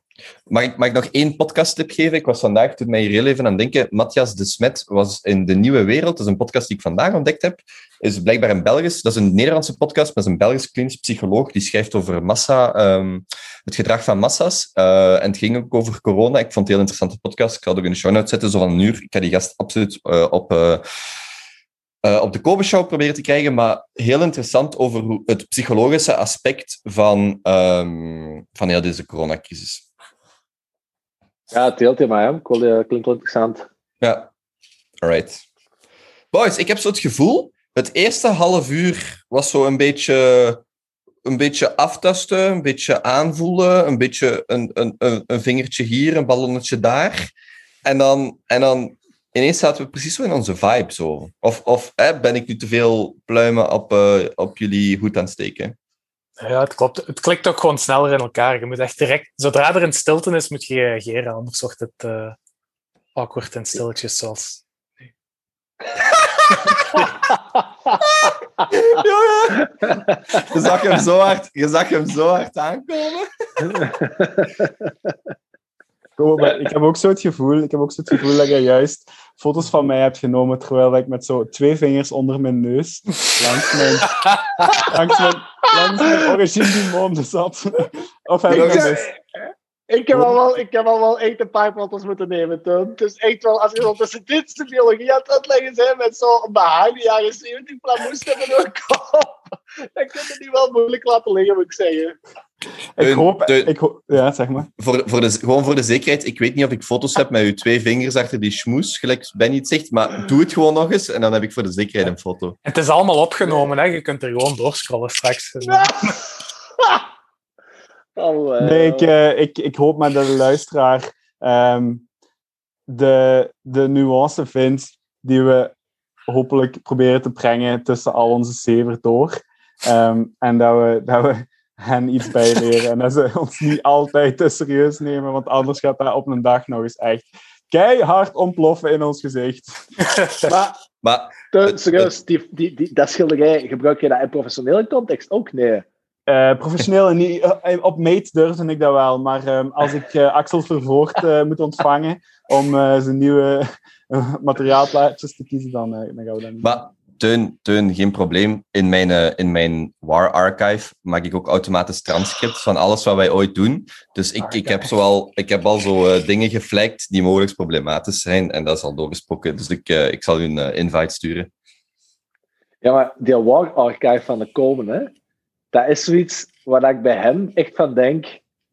Hoeveel daarvan, van wat hem daarop aanhaalt, is fictie? En hoeveel daarvan is echte realiteit? En ik denk, als we tot de kern zouden komen, dat we allemaal heel verbaasd zouden zijn van hoeveel dat daarvan harde realiteit is.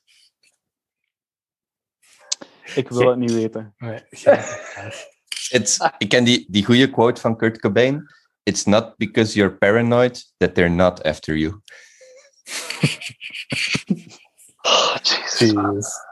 Zitten we bijna bij de quotes? Of eh, heeft er nog Nee, iemand... nee, nee. Gaan we aan vraag 3 geraken? Is de vraag. Ja, we Vier. zijn een podcast. Ik heb er eentje, maar ik weet niet of de rest nog iets Doe maar. heeft liggen. Doe maar.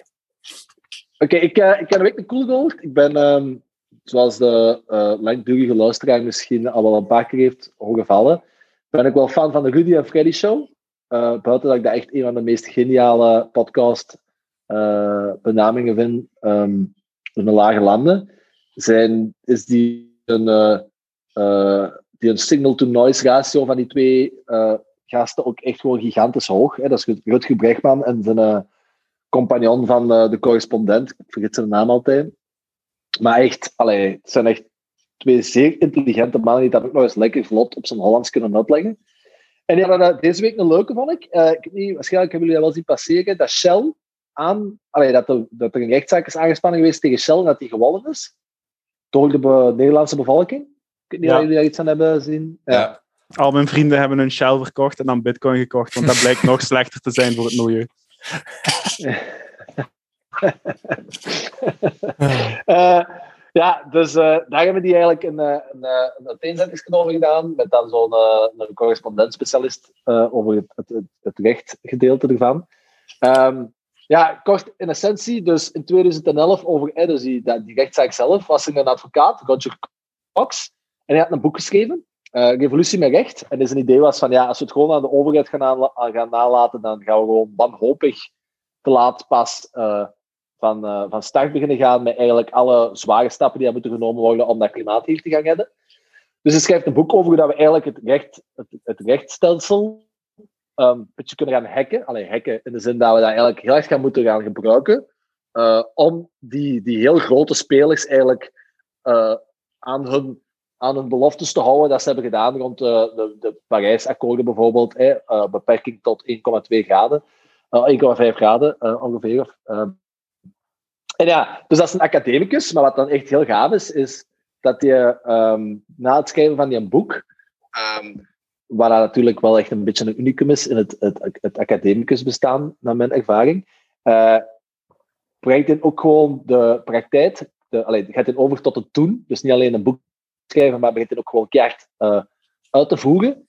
En is hij dus echt die heel grote partijen beginnen aanklagen. En ik denk dat ook de klimaatzaak daarin deel uit is voortgekomen. Maar hij is dan ook Shell beginnen aanklagen. Want ja, je kunt dan een beetje gaan kijken. Dat, denk via berekeningen kwam het erop neer dat Shell en, hun en zijn activiteiten ongeveer 1% van de totale CO2-uitstoot vertegenwoordigt. Dus als je daar dan echt een zware doorbraak op kunt hebben, zijn er wel echt productieve dingen aan het doen.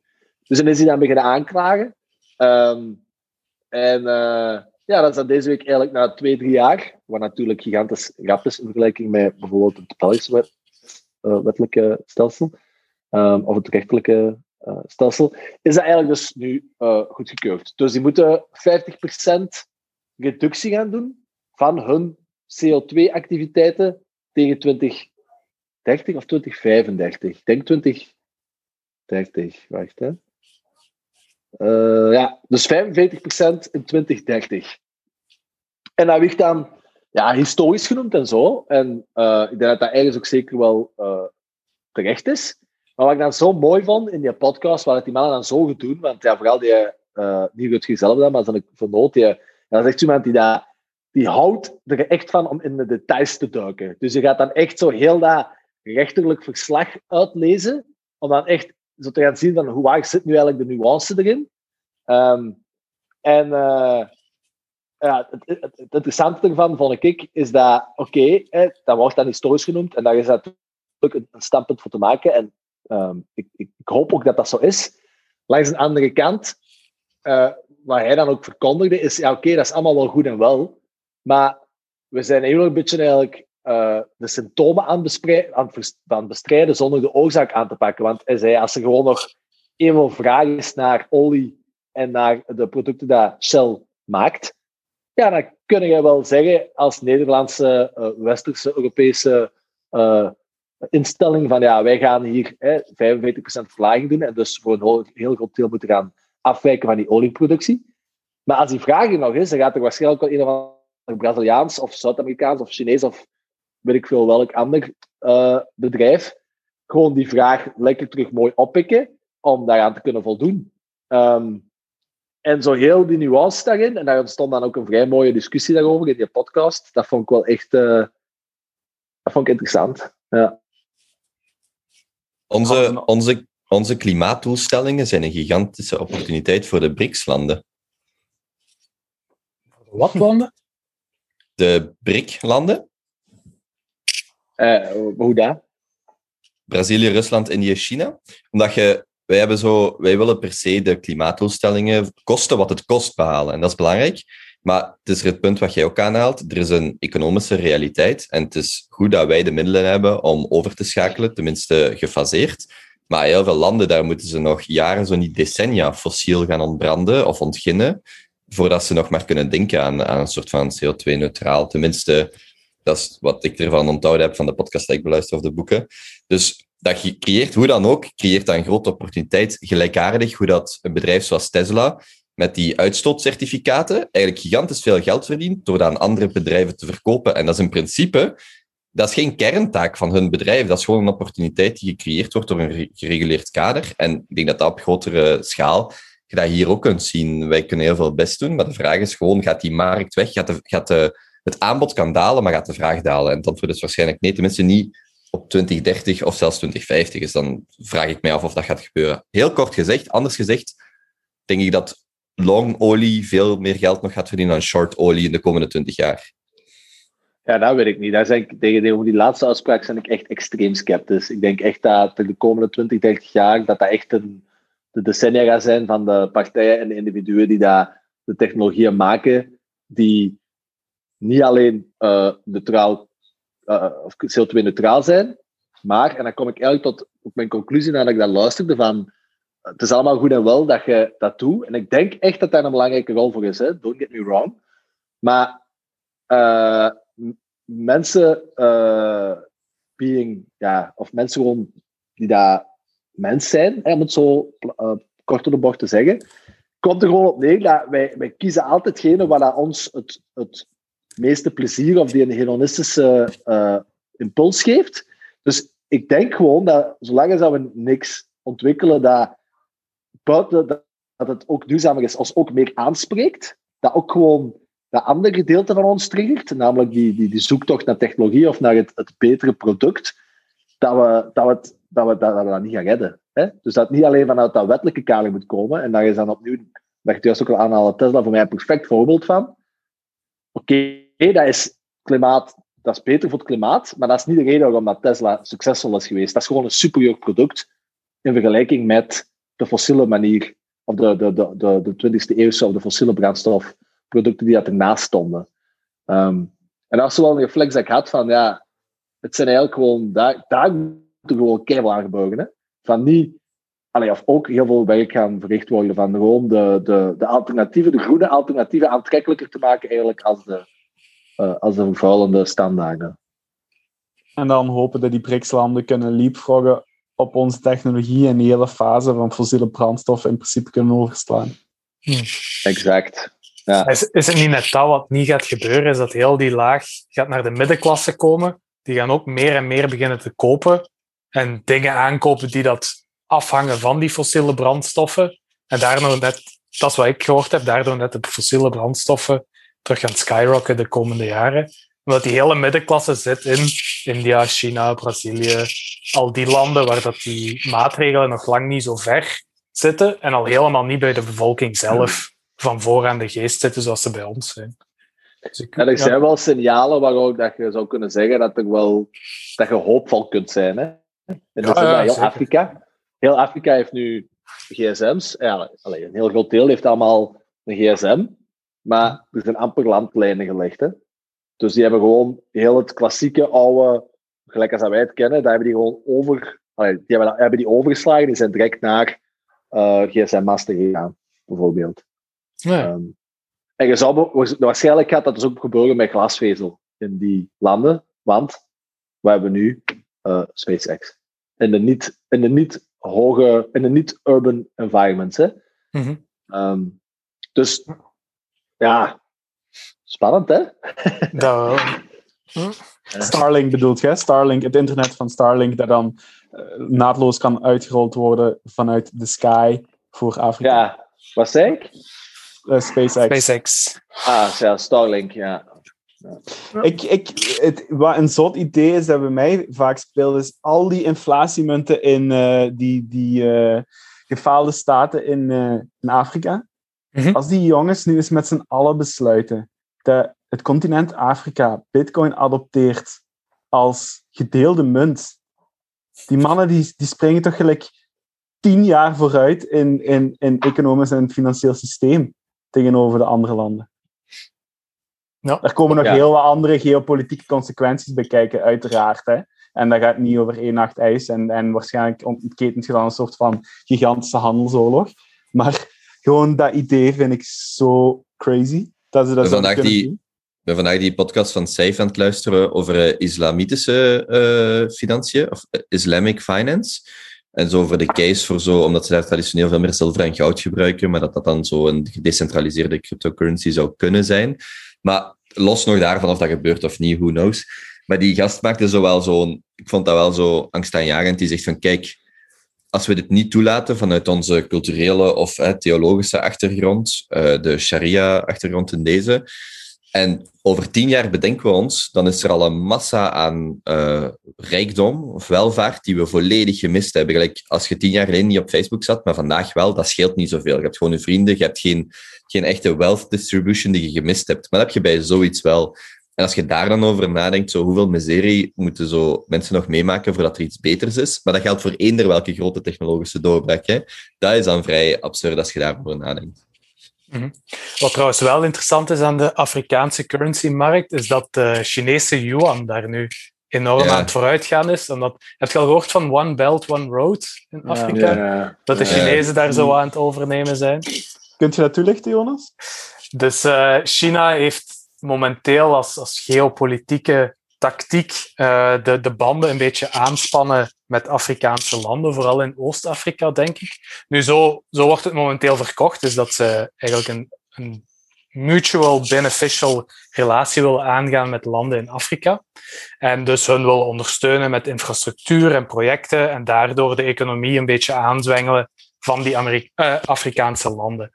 Maar wat er nu in praktijk gebeurt en waar het meer en meer, ik denk dat het zelfs gewoon algemeen geweten is, is wat de Chinezen eigenlijk doen, is dingen beloven aan de, de overheid van die landen. Van oké, we komen hier een dikke snelweg leggen of infrastructuur of weet, weet ik veel wat.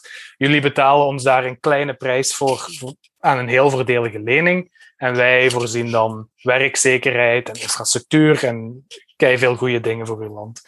En wat dan effectief gebeurt, is dat zij dan geld krijgen van die overheid om die infrastructuur te bouwen. Maar dat eigenlijk gewoon Chinezen van mainland China overshippen naar Afrika om daar dan die projecten te bouwen. Of met bedrijven vanuit China die projecten gaan bouwen en daardoor gewoon het geld van die Afrikaanse landen binnen China houden.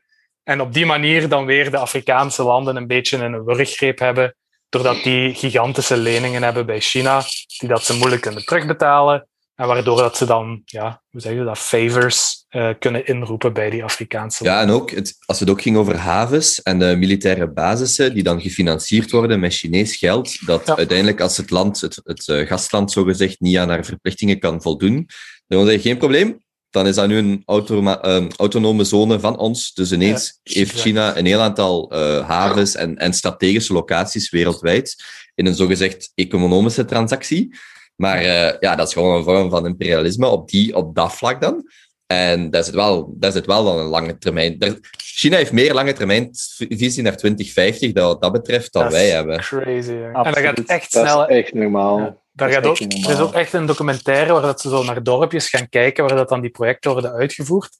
En dat is echt zoals wat voor ons 100 jaar, 100 jaar geleden is in Afrika. Dat je naar zo'n dorpje gaat, die Chinezen wonen in dikke huizen. En die gewone mensen die zeggen, ja, ons leven is eigenlijk niet veranderd. Er staat hier nu gewoon een grote fabriek en er wonen wat rijke Chinezen. Wat was, ook, wat was ook die statistiek in China zelf? Ik geloof, ik, ik, ik ga het fout hebben, maar het was absurd toch, daar ben ik niet zeker ben. 45% van alle gebouwen, alle gebouwen, staan leeg. Ja, alle ja. re- residentieel vastgoed, hè? Re- sorry, niet alle gebouwen. Van het residentieel vastgoed staat 45% blijkbaar leeg. Echt zo. Maar how come?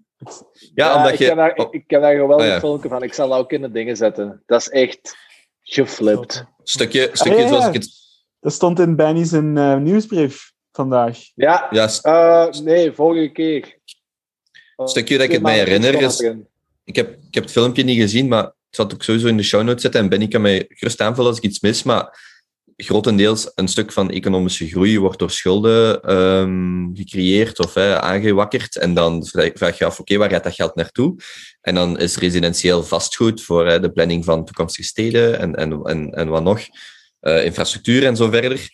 Maar er is zo'n misallocatie van dat kapitaal dat er zoveel gebouwd wordt, waar uiteindelijk niemand terechtkomt. En dan zit je blijkbaar met dus, dus, dus, dan, dus een, een, een economische groei waarin dat je miljoenen mensen aan het werk houdt en, en, en, en opportuniteiten creëert.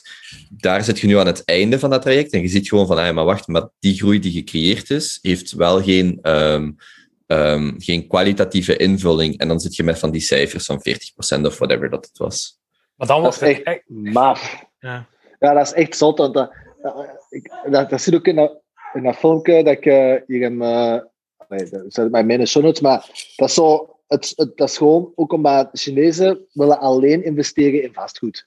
Omdat die aandeelmarkt, ja, je ziet het nu ook, eh, die bedrijven zijn eigenlijk allemaal staats, staatsbezit. Dus de overheid controleert eigenlijk de, de beurs. Dus daar hebben ze een beetje aversie van. Ja, spaarboekjes is juist hetzelfde als hier. Ehm, dus het enige waar dat die zo wat vertrouwen in hebben, waar ze hun, hun waarde kunnen transfereren doorheen de tijd, is vastgoed. En je moet ook zo wat cultureel, als je als man geen eigendom hebt, ehm, ja, vergeet maar dat je echt een, een eh, dat je kunt trouwen. Dat is zo, ah, Chinese vrouwen, dat is zo, ah, oké, eh, jij bent een leuke, jij ziet er goed uit, ah, maar je hebt geen, je hebt geen appartement, je hebt geen, geen eigen, ah ja, nee, dat hoeft niet. Dus dat is ook zo, dat komt er ook nog bij. Dus ja, dat is echt geschift. Dat is in dat filmpje is dat echt perfect uitgelegd. Heel beangstigend. En ik, ik weet niet of dat ook in dat filmpje staat, maar ik heb ook gehoord dat ook al heb je dan een appartement, dat dat na twee, drie jaar letterlijk gewoon uit elkaar begint te vallen. Dat de muren van, alles van de muren komt, je lampen beginnen neer te vallen, de lift werkt niet meer. En dat je dan ja, na vijf à tien jaar terug kunt verkassen, want je, je heel appartement en gebouw valt in elkaar. Is dat niet, is dat niet zo eerder zo'n stereotype? Want ik ken ook anekdotes op Nieuws-uit van gasten die heel veel geld hebben neergelegd en eh, twee jaar later een zware procedure is gewoon omdat het gewoon slecht gebouwd is. Dus of dat zoiets typisch is, ik weet niet in welke mate dat, dat zo stereotype is of niet. Of misschien is dat gewoon racistisch. Maar... Daar gaan alle Chinezen dan ook weer. nou is genoeg geweest, Jonas. Ik ga het nuanceren. Uh, okay. Ik heb zo eens een geschipte, een geschipte, een geschikt cijfer gehoord dat zo op 12 jaar tijd of zoiets heeft China meer beton geproduceerd en ge, gebruikt als Amerika in heel de 20e eeuw. Hmm. Ja. Maar het engste, het engste aan China vind ik nog die overname van Hongkong gewoon. Dat, dat is gewoon stilletjes aan gebeurd. De hele wereld heeft toegekeken. En nu is Hongkong gewoon China. En niemand heeft iets gedaan, niemand heeft iets gezegd. Ja, en meer nog, ook zo die wetgeving van... Uh, als je, er was dan de herdenking van het uh, Tiananmen Square, of hoe je dat ook uitspreekt. En dan, als je erover tweette, kreeg je tot een jaar gevangenis, of kon je tot een jaar gevangenis in Hongkong. Hè? Als je de herdenking zou bijwonen, tot een jaar gevangenisstraf. Als je er naartoe zou gaan, uh, vijf jaar gevangenisstraf. En echt zo, dan zijn wij hier zo bezig met zo een vliegtuigje wat dan in Wit-Rusland moet landen. En dat is dan een internationale crisis en dat is allemaal goed en wel. En daar is er gewoon zo en masse. Maar ja, goed. Uh, het is ook heel gemakkelijk om daar zo in superlatieven over te praten, want wie weet wat er daar effectief gebeurt. Maar de maat waarin dat, dat zo in het nieuws behandeld wordt, is ook vrij laag. Ja. Nu, dat gezegd zijn, we zijn zo altijd van, oh nee, oh nee, China dit en China dat. En die gaan heel de wereld beheersen binnen zoveel jaar. Dat filmpje over die huizen, dat is zo een, een van een vierdelige serie over zo, die serie noemt China's Reckoning. Hmm. En uh, één is over housing, één is over demografie, ander is over water. En dan een laatste, ja, dat weet ik niet, heb ik nog niet gezien. Um, maar als je die ziet, dan is er ook wel iets van, ah ja, juist, nuance. Ja. Daar, hebben ze ook wel, daar hebben ze ook wel uitdagingen. Maar um, wordt het dan niet echt eng als het misgaat met hun en ze moeten daar iets anders gaan zoeken? Een, uh, een oplossingen? Is dat niet... Ja. Wat gebeurt er dan? Ja. Dan Ik heb dat gevoel... Ah, sorry, nee, zeg maar. Nee, dan misschien nog altijd heb ik het geluk dat eh, Amerika nog altijd wel veruit de grootste knuppel heeft om mee te slagen, denk ik. Dat is, dat is echt zo, puur al over zo'n controle over de zee. Ja, Er ja, zijn zo Dat is waar. 18 vliegdekschepen in de wereld of zo, waarvan 17 of zo 16,5 door Amerika in bezit zijn. Dus tegen dat die mannen daar eh, hier staan in Europa of daar. Ja, met die biochemische wapens van Teun daar, als ze me zich daar eens achter zet en China geeft een goed prijsje. Ik ben ook zo wat, ik ben ook zo wat, eh, de Eerste Wereldoorlog aan het inlezen, zo Sleepwalkers. En eh, ik, was er, ben, probeer me echt zo wat in te lezen in die, die periode. Die, vooral de, alles voor en, en rond en na de Eerste Wereldoorlog. En ook zo When Money Dies over hyperinflatie in Duitsland. En eh, bij mij zit dat zo nu heel hard in mijn hoofd, maar ik moet er eerst meer over lezen voordat ik daar eens op de podcast iets over zal zeggen. Maar zo heel hard in mijn hoofd van, wacht eens, als we in Europa naar zo'n scenario teruggaan met eh, de extreme die je nu meer ziet zien, ziet. En dan als onderlaag eigenlijk economische malaise, geldprinten, al die, al die dingen. En gewoon Europa dat vrij divers is met allerlei strekkingen. Zo gewoon van, oké, wacht, wat betekent dat? Je bent best een Duitser. En je, of nee, je kunt dus best Duits praten. En extreem rechts is beter om te zijn dan extreem links, historisch gezien in Duitsland. Dus ik zit zo wat in een halve paranoia-vibe van als het hier weer misgaat en die Duitsers stoppen, want Duitsland, het BBP van Duitsland, 45% is, 45% is export. Dus ik denk dan, oh nee, als die Duitsers, als er straks Europa, zo over 30 jaar of zo, we zitten zo weer in een crisis, die Duitsers gaan weer vol oorlog maken. Dus zorg gewoon dat je een beetje Duits. Daar gaan alle Duitsers. Ja, maar dat is echt, als je de geschiedenis leest van, van Europa, hè, het is echt zo, zorg dat je aan ja. de Duitse kant staat. Die, die, die tetonen, die zijn zot, jong. En die Fransen, nee, hoor. Nou, ja, maar echt. Jongen, Kent, kent je het Duits volkslied al van buiten dan? Of wat? ik ben ermee bezig. Ik ben echt... Jongen, gewoon long Duitsland en short al de rest. Maar ik, Maar ik wat vind wel... Waar is de tentoon? Nee, een Done, van de Donau, toch? Nee, jong, een, Ah, nee, jong, een teuton. een Ah, van tentoon. Teute, Teutebos, of hoe noemt dat daar? Nee, het Teutoonse Rijk. Maar dat is zo, een, zo... Je kent toch zo Pruisen en de Teutonen? Zo, al die groepen, zo die ehm, Germaanse groepen of volksstammen die zo Duitsland gewoon zijn voorgegaan, om zo'n soort van... Probeerde gewoon een referentie te maken naar zo de Duitsstalige hegemonie. Maar als wij vandaag Duitsstalig zeggen, dan bedoelen we iets anders dan toen. Dus zo'n beetje die, die rassentheorie, maar eerder op een cultureel, raciaal vlak. Want het is niet, het is niet puur raciaal, ehm, maar ook op een cultureel vlak. Nuance! Ja, ja, dat was heel mooi. Ben Duits. Maar dus, Duits leren, hè, jongens. Als je inzit met je lange termijn gezondheid, dan eh Duits. Eerder Chinees, hè? Ik ga voor het Chinees. Maar komen wat je daar zegt van die lange termijn gezondheid en stijgende extremisme. Ik weet niet, dat is misschien een onderwerp om nog aan te halen. Maar eh Bjorn Soene, Bjorn Soenes. Ja, Soenens, denk ik. heeft afgelopen week of maand toch een kleine editorial geschreven over al het extremisme en polarisatie die het hem ziet. Als ik daar ook nog eens bij tel met welke rassenschillen technologie vooruit gaat gaan en de groeiende eh, ongelijkheid op zowel informatie als kapitaalvlak. Pretty scary, to be honest. Maar is dat ook weer Dat iets... is, echt, dat is een onderwerp waar we uren kunnen over praten. Hè? Dat is misschien wel eh, een beetje een Ja. rabbit hole om dicht te houden als we zo eens misschien in Italië zitten met een fles, fles of twee rode wijnen, wat krekels op een achtergrond. En... Maar pas op, die Italianen hebben ook niet zo'n super reputatie op dat gebied. Oh, nee, nee, nee, nee. nee. maar inderdaad, laten we het hier eh, even het ballonnetje oplaten, dat we dan nog eens als thema eh, aanvangen of eh, op, opgakelen. Ik heb een, ik heb een, een, een, een pronostiekje. Hoeveel podcasts denk je al dat wij gaan opnemen als wij in Italië zitten? Ik ben er ook bang voor. Dus gaat zo- heb je we- mijn... Heb je wij mijn gaan- eh, We gaan gewoon zo al dagen aan het zeveren zijn en dan zoiets hebben, oh, moeten we nu beginnen opnemen? ja, kan wel. Nee, nee, we gaan wel minstens Voor de- één doen. voordat wij daar Ja. aankomen in die villa, krijgen wij allemaal zo'n microfoontje aan onze hals geklipt en zo'n een, een bakje achteraan hun broekje. Oké jongens, het kan starten. hey, hey, dat zou nog een goed idee zijn voor een televisieprogramma. Nee, dat Ik noemt Ex wel- on the Beach. Ja, zo Big, Big Brother of zo. Ik vraag me wel effectief af hoeveel... Allee, hoeveel? Nee, nee. Ik ga het anders gewoon omdat ik effectief iemand ga komen opdagen als we dat zo Hey, laten weten. Ik wil ik dat wel nog- echt doen. Ik heb nog een luisteraar zeggen, gesproken. wij nemen binnen drie dagen op. Wij nemen binnen zo op Instagram zetten en dan op oude, op oude Instagram Hmm. komen. Maar binnen drie dagen op die locatie nemen we op. En dan ben ik echt oprecht benieuwd dat er iemand gaat komen opdagen. Ik heb nog een luisteraar gesproken die zegt, ah, ik ben wel in de buurt dan. En ik ken ondertussen zo al vijf of tien mensen, hè, als ik die allemaal samenpak. Ik heb ook Ik twee mensen die willen cool afkomen. Ik zou dat echt cool vinden. Hmm. Ah, dat zou toch leuk zijn? Dat is zoals een eerste live event. Maar dan kijk ik in Italië. Maar dus, moeten we dan laten weten waar dat we exact zitten? Of uh, wilt je geen details meer loslaten? Ja, ik denk dat ze gewoon een dingen moeten sturen. Ik denk dat wij eerst moeten zien als we daar zitten van wanneer dat we het gaan doen. En dat we dan gewoon een paar dagen op voorhand iets online zetten. En dan als ze ons berichtje sturen, dat wij dan de locatie naar hen Meegeven. in een Ja. DM sliden. Maar die, die mensen moeten wel in de buurt zijn. Hè? Je, je moet, je, je moet niet, eh, ik bedoel, het is niet Een soort- Ja, Een soort lotto. er Iedereen vliegt naar daar. En als je chance hebt, dan krijg je antwoord. Ja, we, of we leggen een bus in van een luchthaven. Zo. Be, be there or be square. Zo, er is één bus.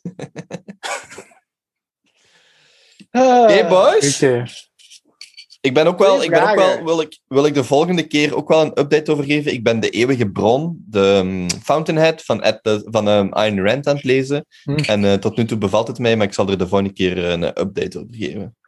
Weet je waar ik ook al een tijd naar uitkijk, Kobe? Je ging toch ook eens Jeff Bezos een afscheidsbrief eh, toelichten? Ja, ja, maar dat ligt thuis. Ik heb daar wel niet bij.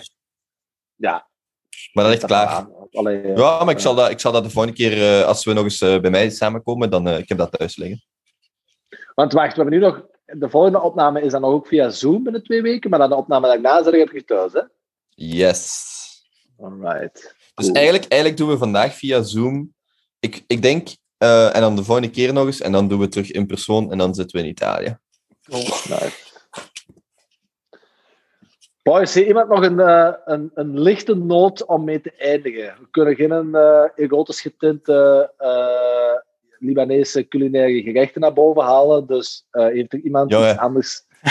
Ik heb, mij, ik heb mij wel echt ziek gelachen met dat stukje. Ik heb dat herbeluisterd, echt zo tien keer of zo. Ik lag elke keer gewoon een strijk. Ja, dat is heel funny. Maar dat is moeilijk, vind ik. Dat is misschien nog het moeilijkste om via Zoom te doen. Zo de impromptu, eh, lichte, humoristische noot. Ja, ik zie zo niet echt zo de glinstering in uw ogen als je iets vertelt. En zo- vaak is het belangrijk om zo wat extra informatie, zo non-verbaal te krijgen, om zo, ja, toch iets eh, eh, meer naar elkaar toe te groeien. Ja. Oh. Nu, ja. Misschien, Teun, kun jij nog iets vertellen over dat, dat, dat meesterlijk eh, kunstwerk slash erotisch eh, schouwspel dat zich afspeelt achter u?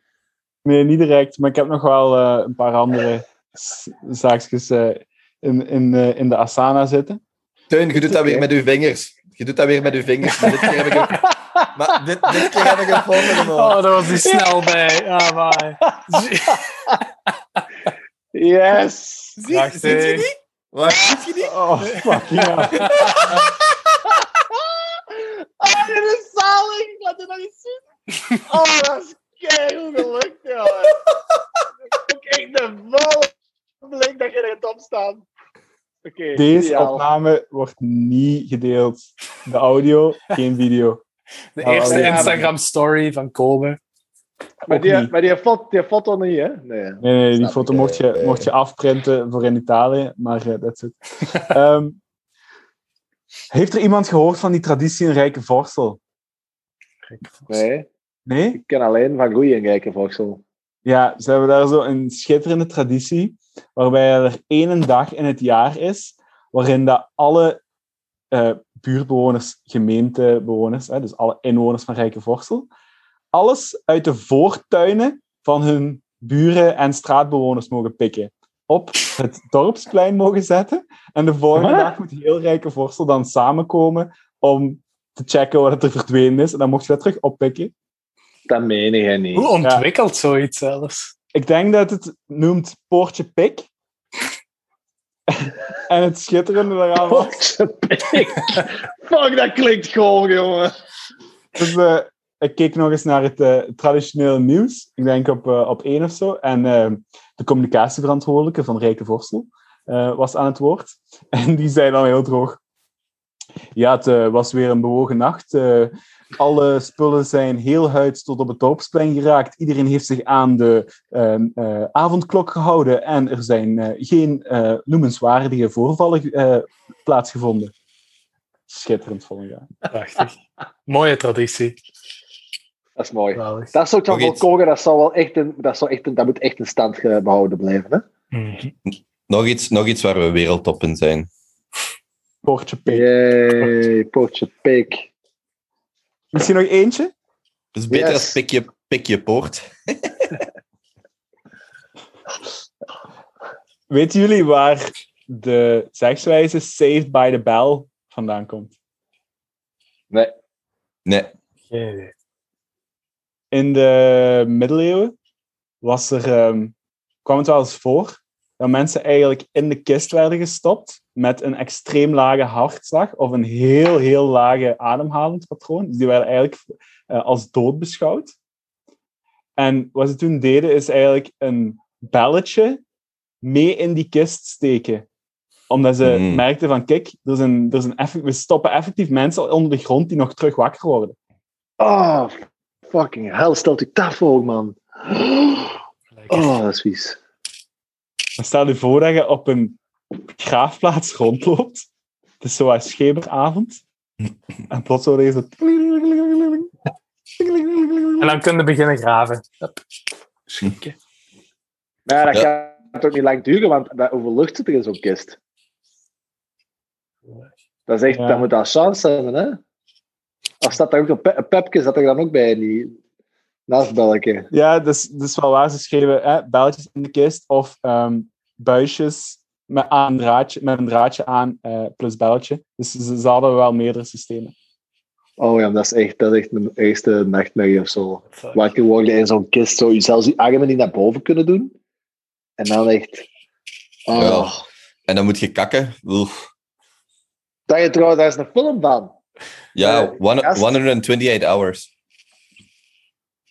Is dat, met, is dat die nou niet doodgesist? Met Deadpool, de acteur die naar Deadpool speelt. Ja, ik geloof het wel. 124 of 28 hours? Nee, nee, is dat niet... Dat is van die klimmer zo. zijn- Dat is een Ja, arm. dat is een gast die Ja, zijn een arm af... af, af eh, Ja. Echt een film met Ryan Reynolds, die nou echt zich volledig quasi, of denk ik zelfs volledig afspeelt, in een kist onder de grond. En dat is echt fucking spannend. Oké. Ja, dat is echt de moeite. Ehm, eh, Green Lantern. Nee, de film, de film heet Buried. Ja, buried. ja, Buried, ja. Ook de moeite. Tegenwoordig al beschikbaar als service. Hè. Je kunt je effectief eens levend laten begraven. Oh. Why not? In Japan hebben ze zo'n hele ceremonie, hè, dat je dat kunt meemaken, zodat je weet wat, je, wat, wat je familie moet doormaken als ze je moeten begraven. Dan kun je zo naar een, echt een instelling gaan en een klein bedragje betalen. En dan maken ze voor u een printje en een fotootje. Je kunt dan in uw kist Hey. gaan liggen. Legit, ik heb deze twee weken geleden een foto gemaakt van een doodsprentje. Ik heb dat in mijn notities gezet met uw eigen obituary schrijven. Je moet dat eens doen, dat is heel vies. Maar dat is ook een heel leuk... Ja, ik weet niet hoe ik daarop kom. Maar dat is echt wel eens leuk om te doen. Een heel stoïcijnse oefening. Ja. Maar Jonas, omdat jij dat zei van Japan, is dat ook niet zo... Er is zo een van die landen, allez, ik bedoel, eh, die cultuur bedoel ik, dat je zo acteurs kunt inhuren om zo ehm, naar je begrafenis te komen. zo, omdat er dan zoveel singles zijn of mensen zonder familie of zo, dat je zo niet wilt dat wanneer je begraven wordt, dat er zo niemand komt opdagen. Dus zo als deel van je levensverzekering, bij wijze van spreken, huurt je zo twintig acteurs in, zodat dat toch lijkt dat je zo nog wat familie had of zo. Ah, dat is echt heel idioot. Zou kunnen. Ja, dat is misschien is meer schandalig als er niemand is, dan dat er acteurs zijn. Ja, maar je zijt er niet meer. En je hebt geen familie. Dus wat maakt het in godshemelsnaam uit? Uw goede naam? Ja, maar Maar er is niemand, behalve die je acteurs. zijt er niet meer. En in familie is het by definition niet. Want anders hadden ze Ja. niet nodig. Heel raar. Oké. Boys, ik, eh, ik vond het eh, al bij al toch weer een, eh, een geslaagde editie. Het was een beetje stroef beginnen. Maar ik heb, ik heb gelachen. Ik heb iets bijgeleerd. Ehm, en ik heb de toon nog nooit zo rustig voor een ontblote vagijn zien zitten. Dus eh, ik denk dat we van, een, eh, van een geslaagde editie kunnen spreken. Nee? Het is een, het is een synthetische, hè? Ah, ja, ja, het is een synthetische naakte vagijn. achtergrond. Manneke, lief als een bush. Jezus. Wat Oh, zou je ja. doen? Wat zou je doen als je dat tegenkomt in het echt? Wat doe je? Nee? Eh, Niemand? Niemand die dat... Wat- Geef eens wat opties. eh, Maar wat, wat, zou je aanraden? Nee, jij niet, Sam. We zitten bijna aan de 20ste editie, hè, Jonas. So close. Zalig, Zo close. zalig. Je ziet hem nadenken Zo van, close. oh, opties. Ik zet hem klaar. Ik, ik, vind wel. Ik vind wel dat het een extreem uitgesproken bush is. Ehm, ook, ik, ik, ik zou graag eens haar hoofdhaar willen zien, want in welke, hoe dat, of dat ook zo, zo, zo eh, intens is. Maar eh, dit is wel echt ehm, ja, next level. Maar je moet denken, x aantal decennia geleden was dat normaal, hè? Mhm. Allee. Ja, dat was zo blijkbaar in The Wolf of Wall Street, zei hij dat, zo, dat van, op de ene week op, van de ene week op de andere ineens vrouwen zich allemaal eh, genitaal... Maar Teun heeft, er, Teun heeft er nog iets van. Eh, Was Diamond een boek over... Wat is dat? Dit is eh, een, een, boekje, een boekje dat de wonderbaarlijke geschiedenis van eh, de vagijn toelicht doorheen de jaren. Dus ehm, zeg maar eens welk tijdstip dat jullie verkiezen Oeh. en dan, eh, dan toon ik Nee. de, Oktober, huidige- oktober 1991. Jezus. Waarom dat je wilt weten dat we maandag voor de Oh, nee. of wat? Oh, boy. Oh, We zien kan niet zien, hè? ja. Alleen die, die Framusso dat we al heel een tijd op aan het zien zijn. Oh, Oh, wat? Jezus. Jezus. Amai. Dat is eh, Dat is wel... ja, eh, mooi gedemonstreerd. ja. het daarbij laten. Teun, Oké. Teun als eh, luisteraars eh, dit boekje bij u willen komen lezen, eh, dat is vijf minuten van de Blaarse Meren, hè? Van de Blaarmeerse, ja, effectief. De Blaarmeerse. Oké, misschien moeten we het op die eh, hoge noot hier eh, afronden. Boys, wat denkt u? Mooi. Toppie. Ik vond het, eh, ik vond het gezellig. Ik heb, ik heb jullie gemist. Dit was echt het hoogtepunt Ja. van, eh, van mijn afgelopen dagen om naar uit te kijken. Ah, Prachtig. digitale knuffel. Mm. Ik moet zeggen dat ik jullie ook gemist heb, jongens. Ja, ben ik twee weken in het pokeren, hè? 22e Ah ja, bij u? in Gent, hè. Ja. Eh, Ideaal. Was de Big Blind? hey, trouwens. eh eh, dat gaan we lekker gaan passeren. Eh, Als, als, ik er niet bij ben, als ik er niet bij ben, dan kun je zo voor wat meer spelen. Zo voor eh 200 of zo. ja. eh, of eens op een, een aangename manier eindigen, bijvoorbeeld.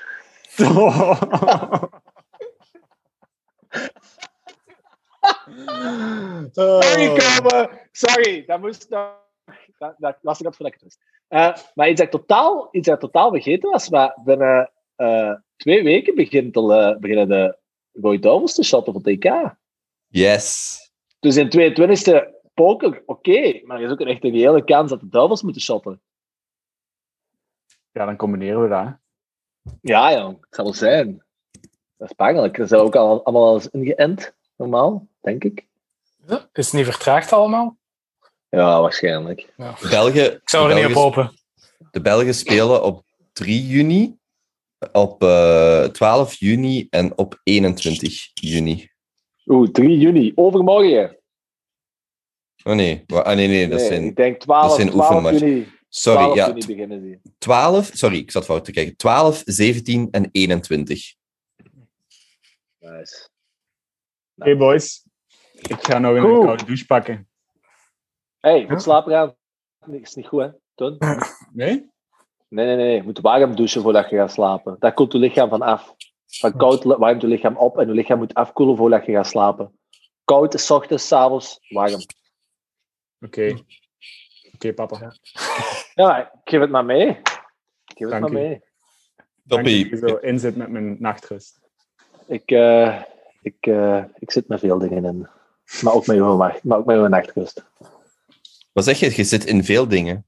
Oké, alright. Ciao. Yo, dag, dag.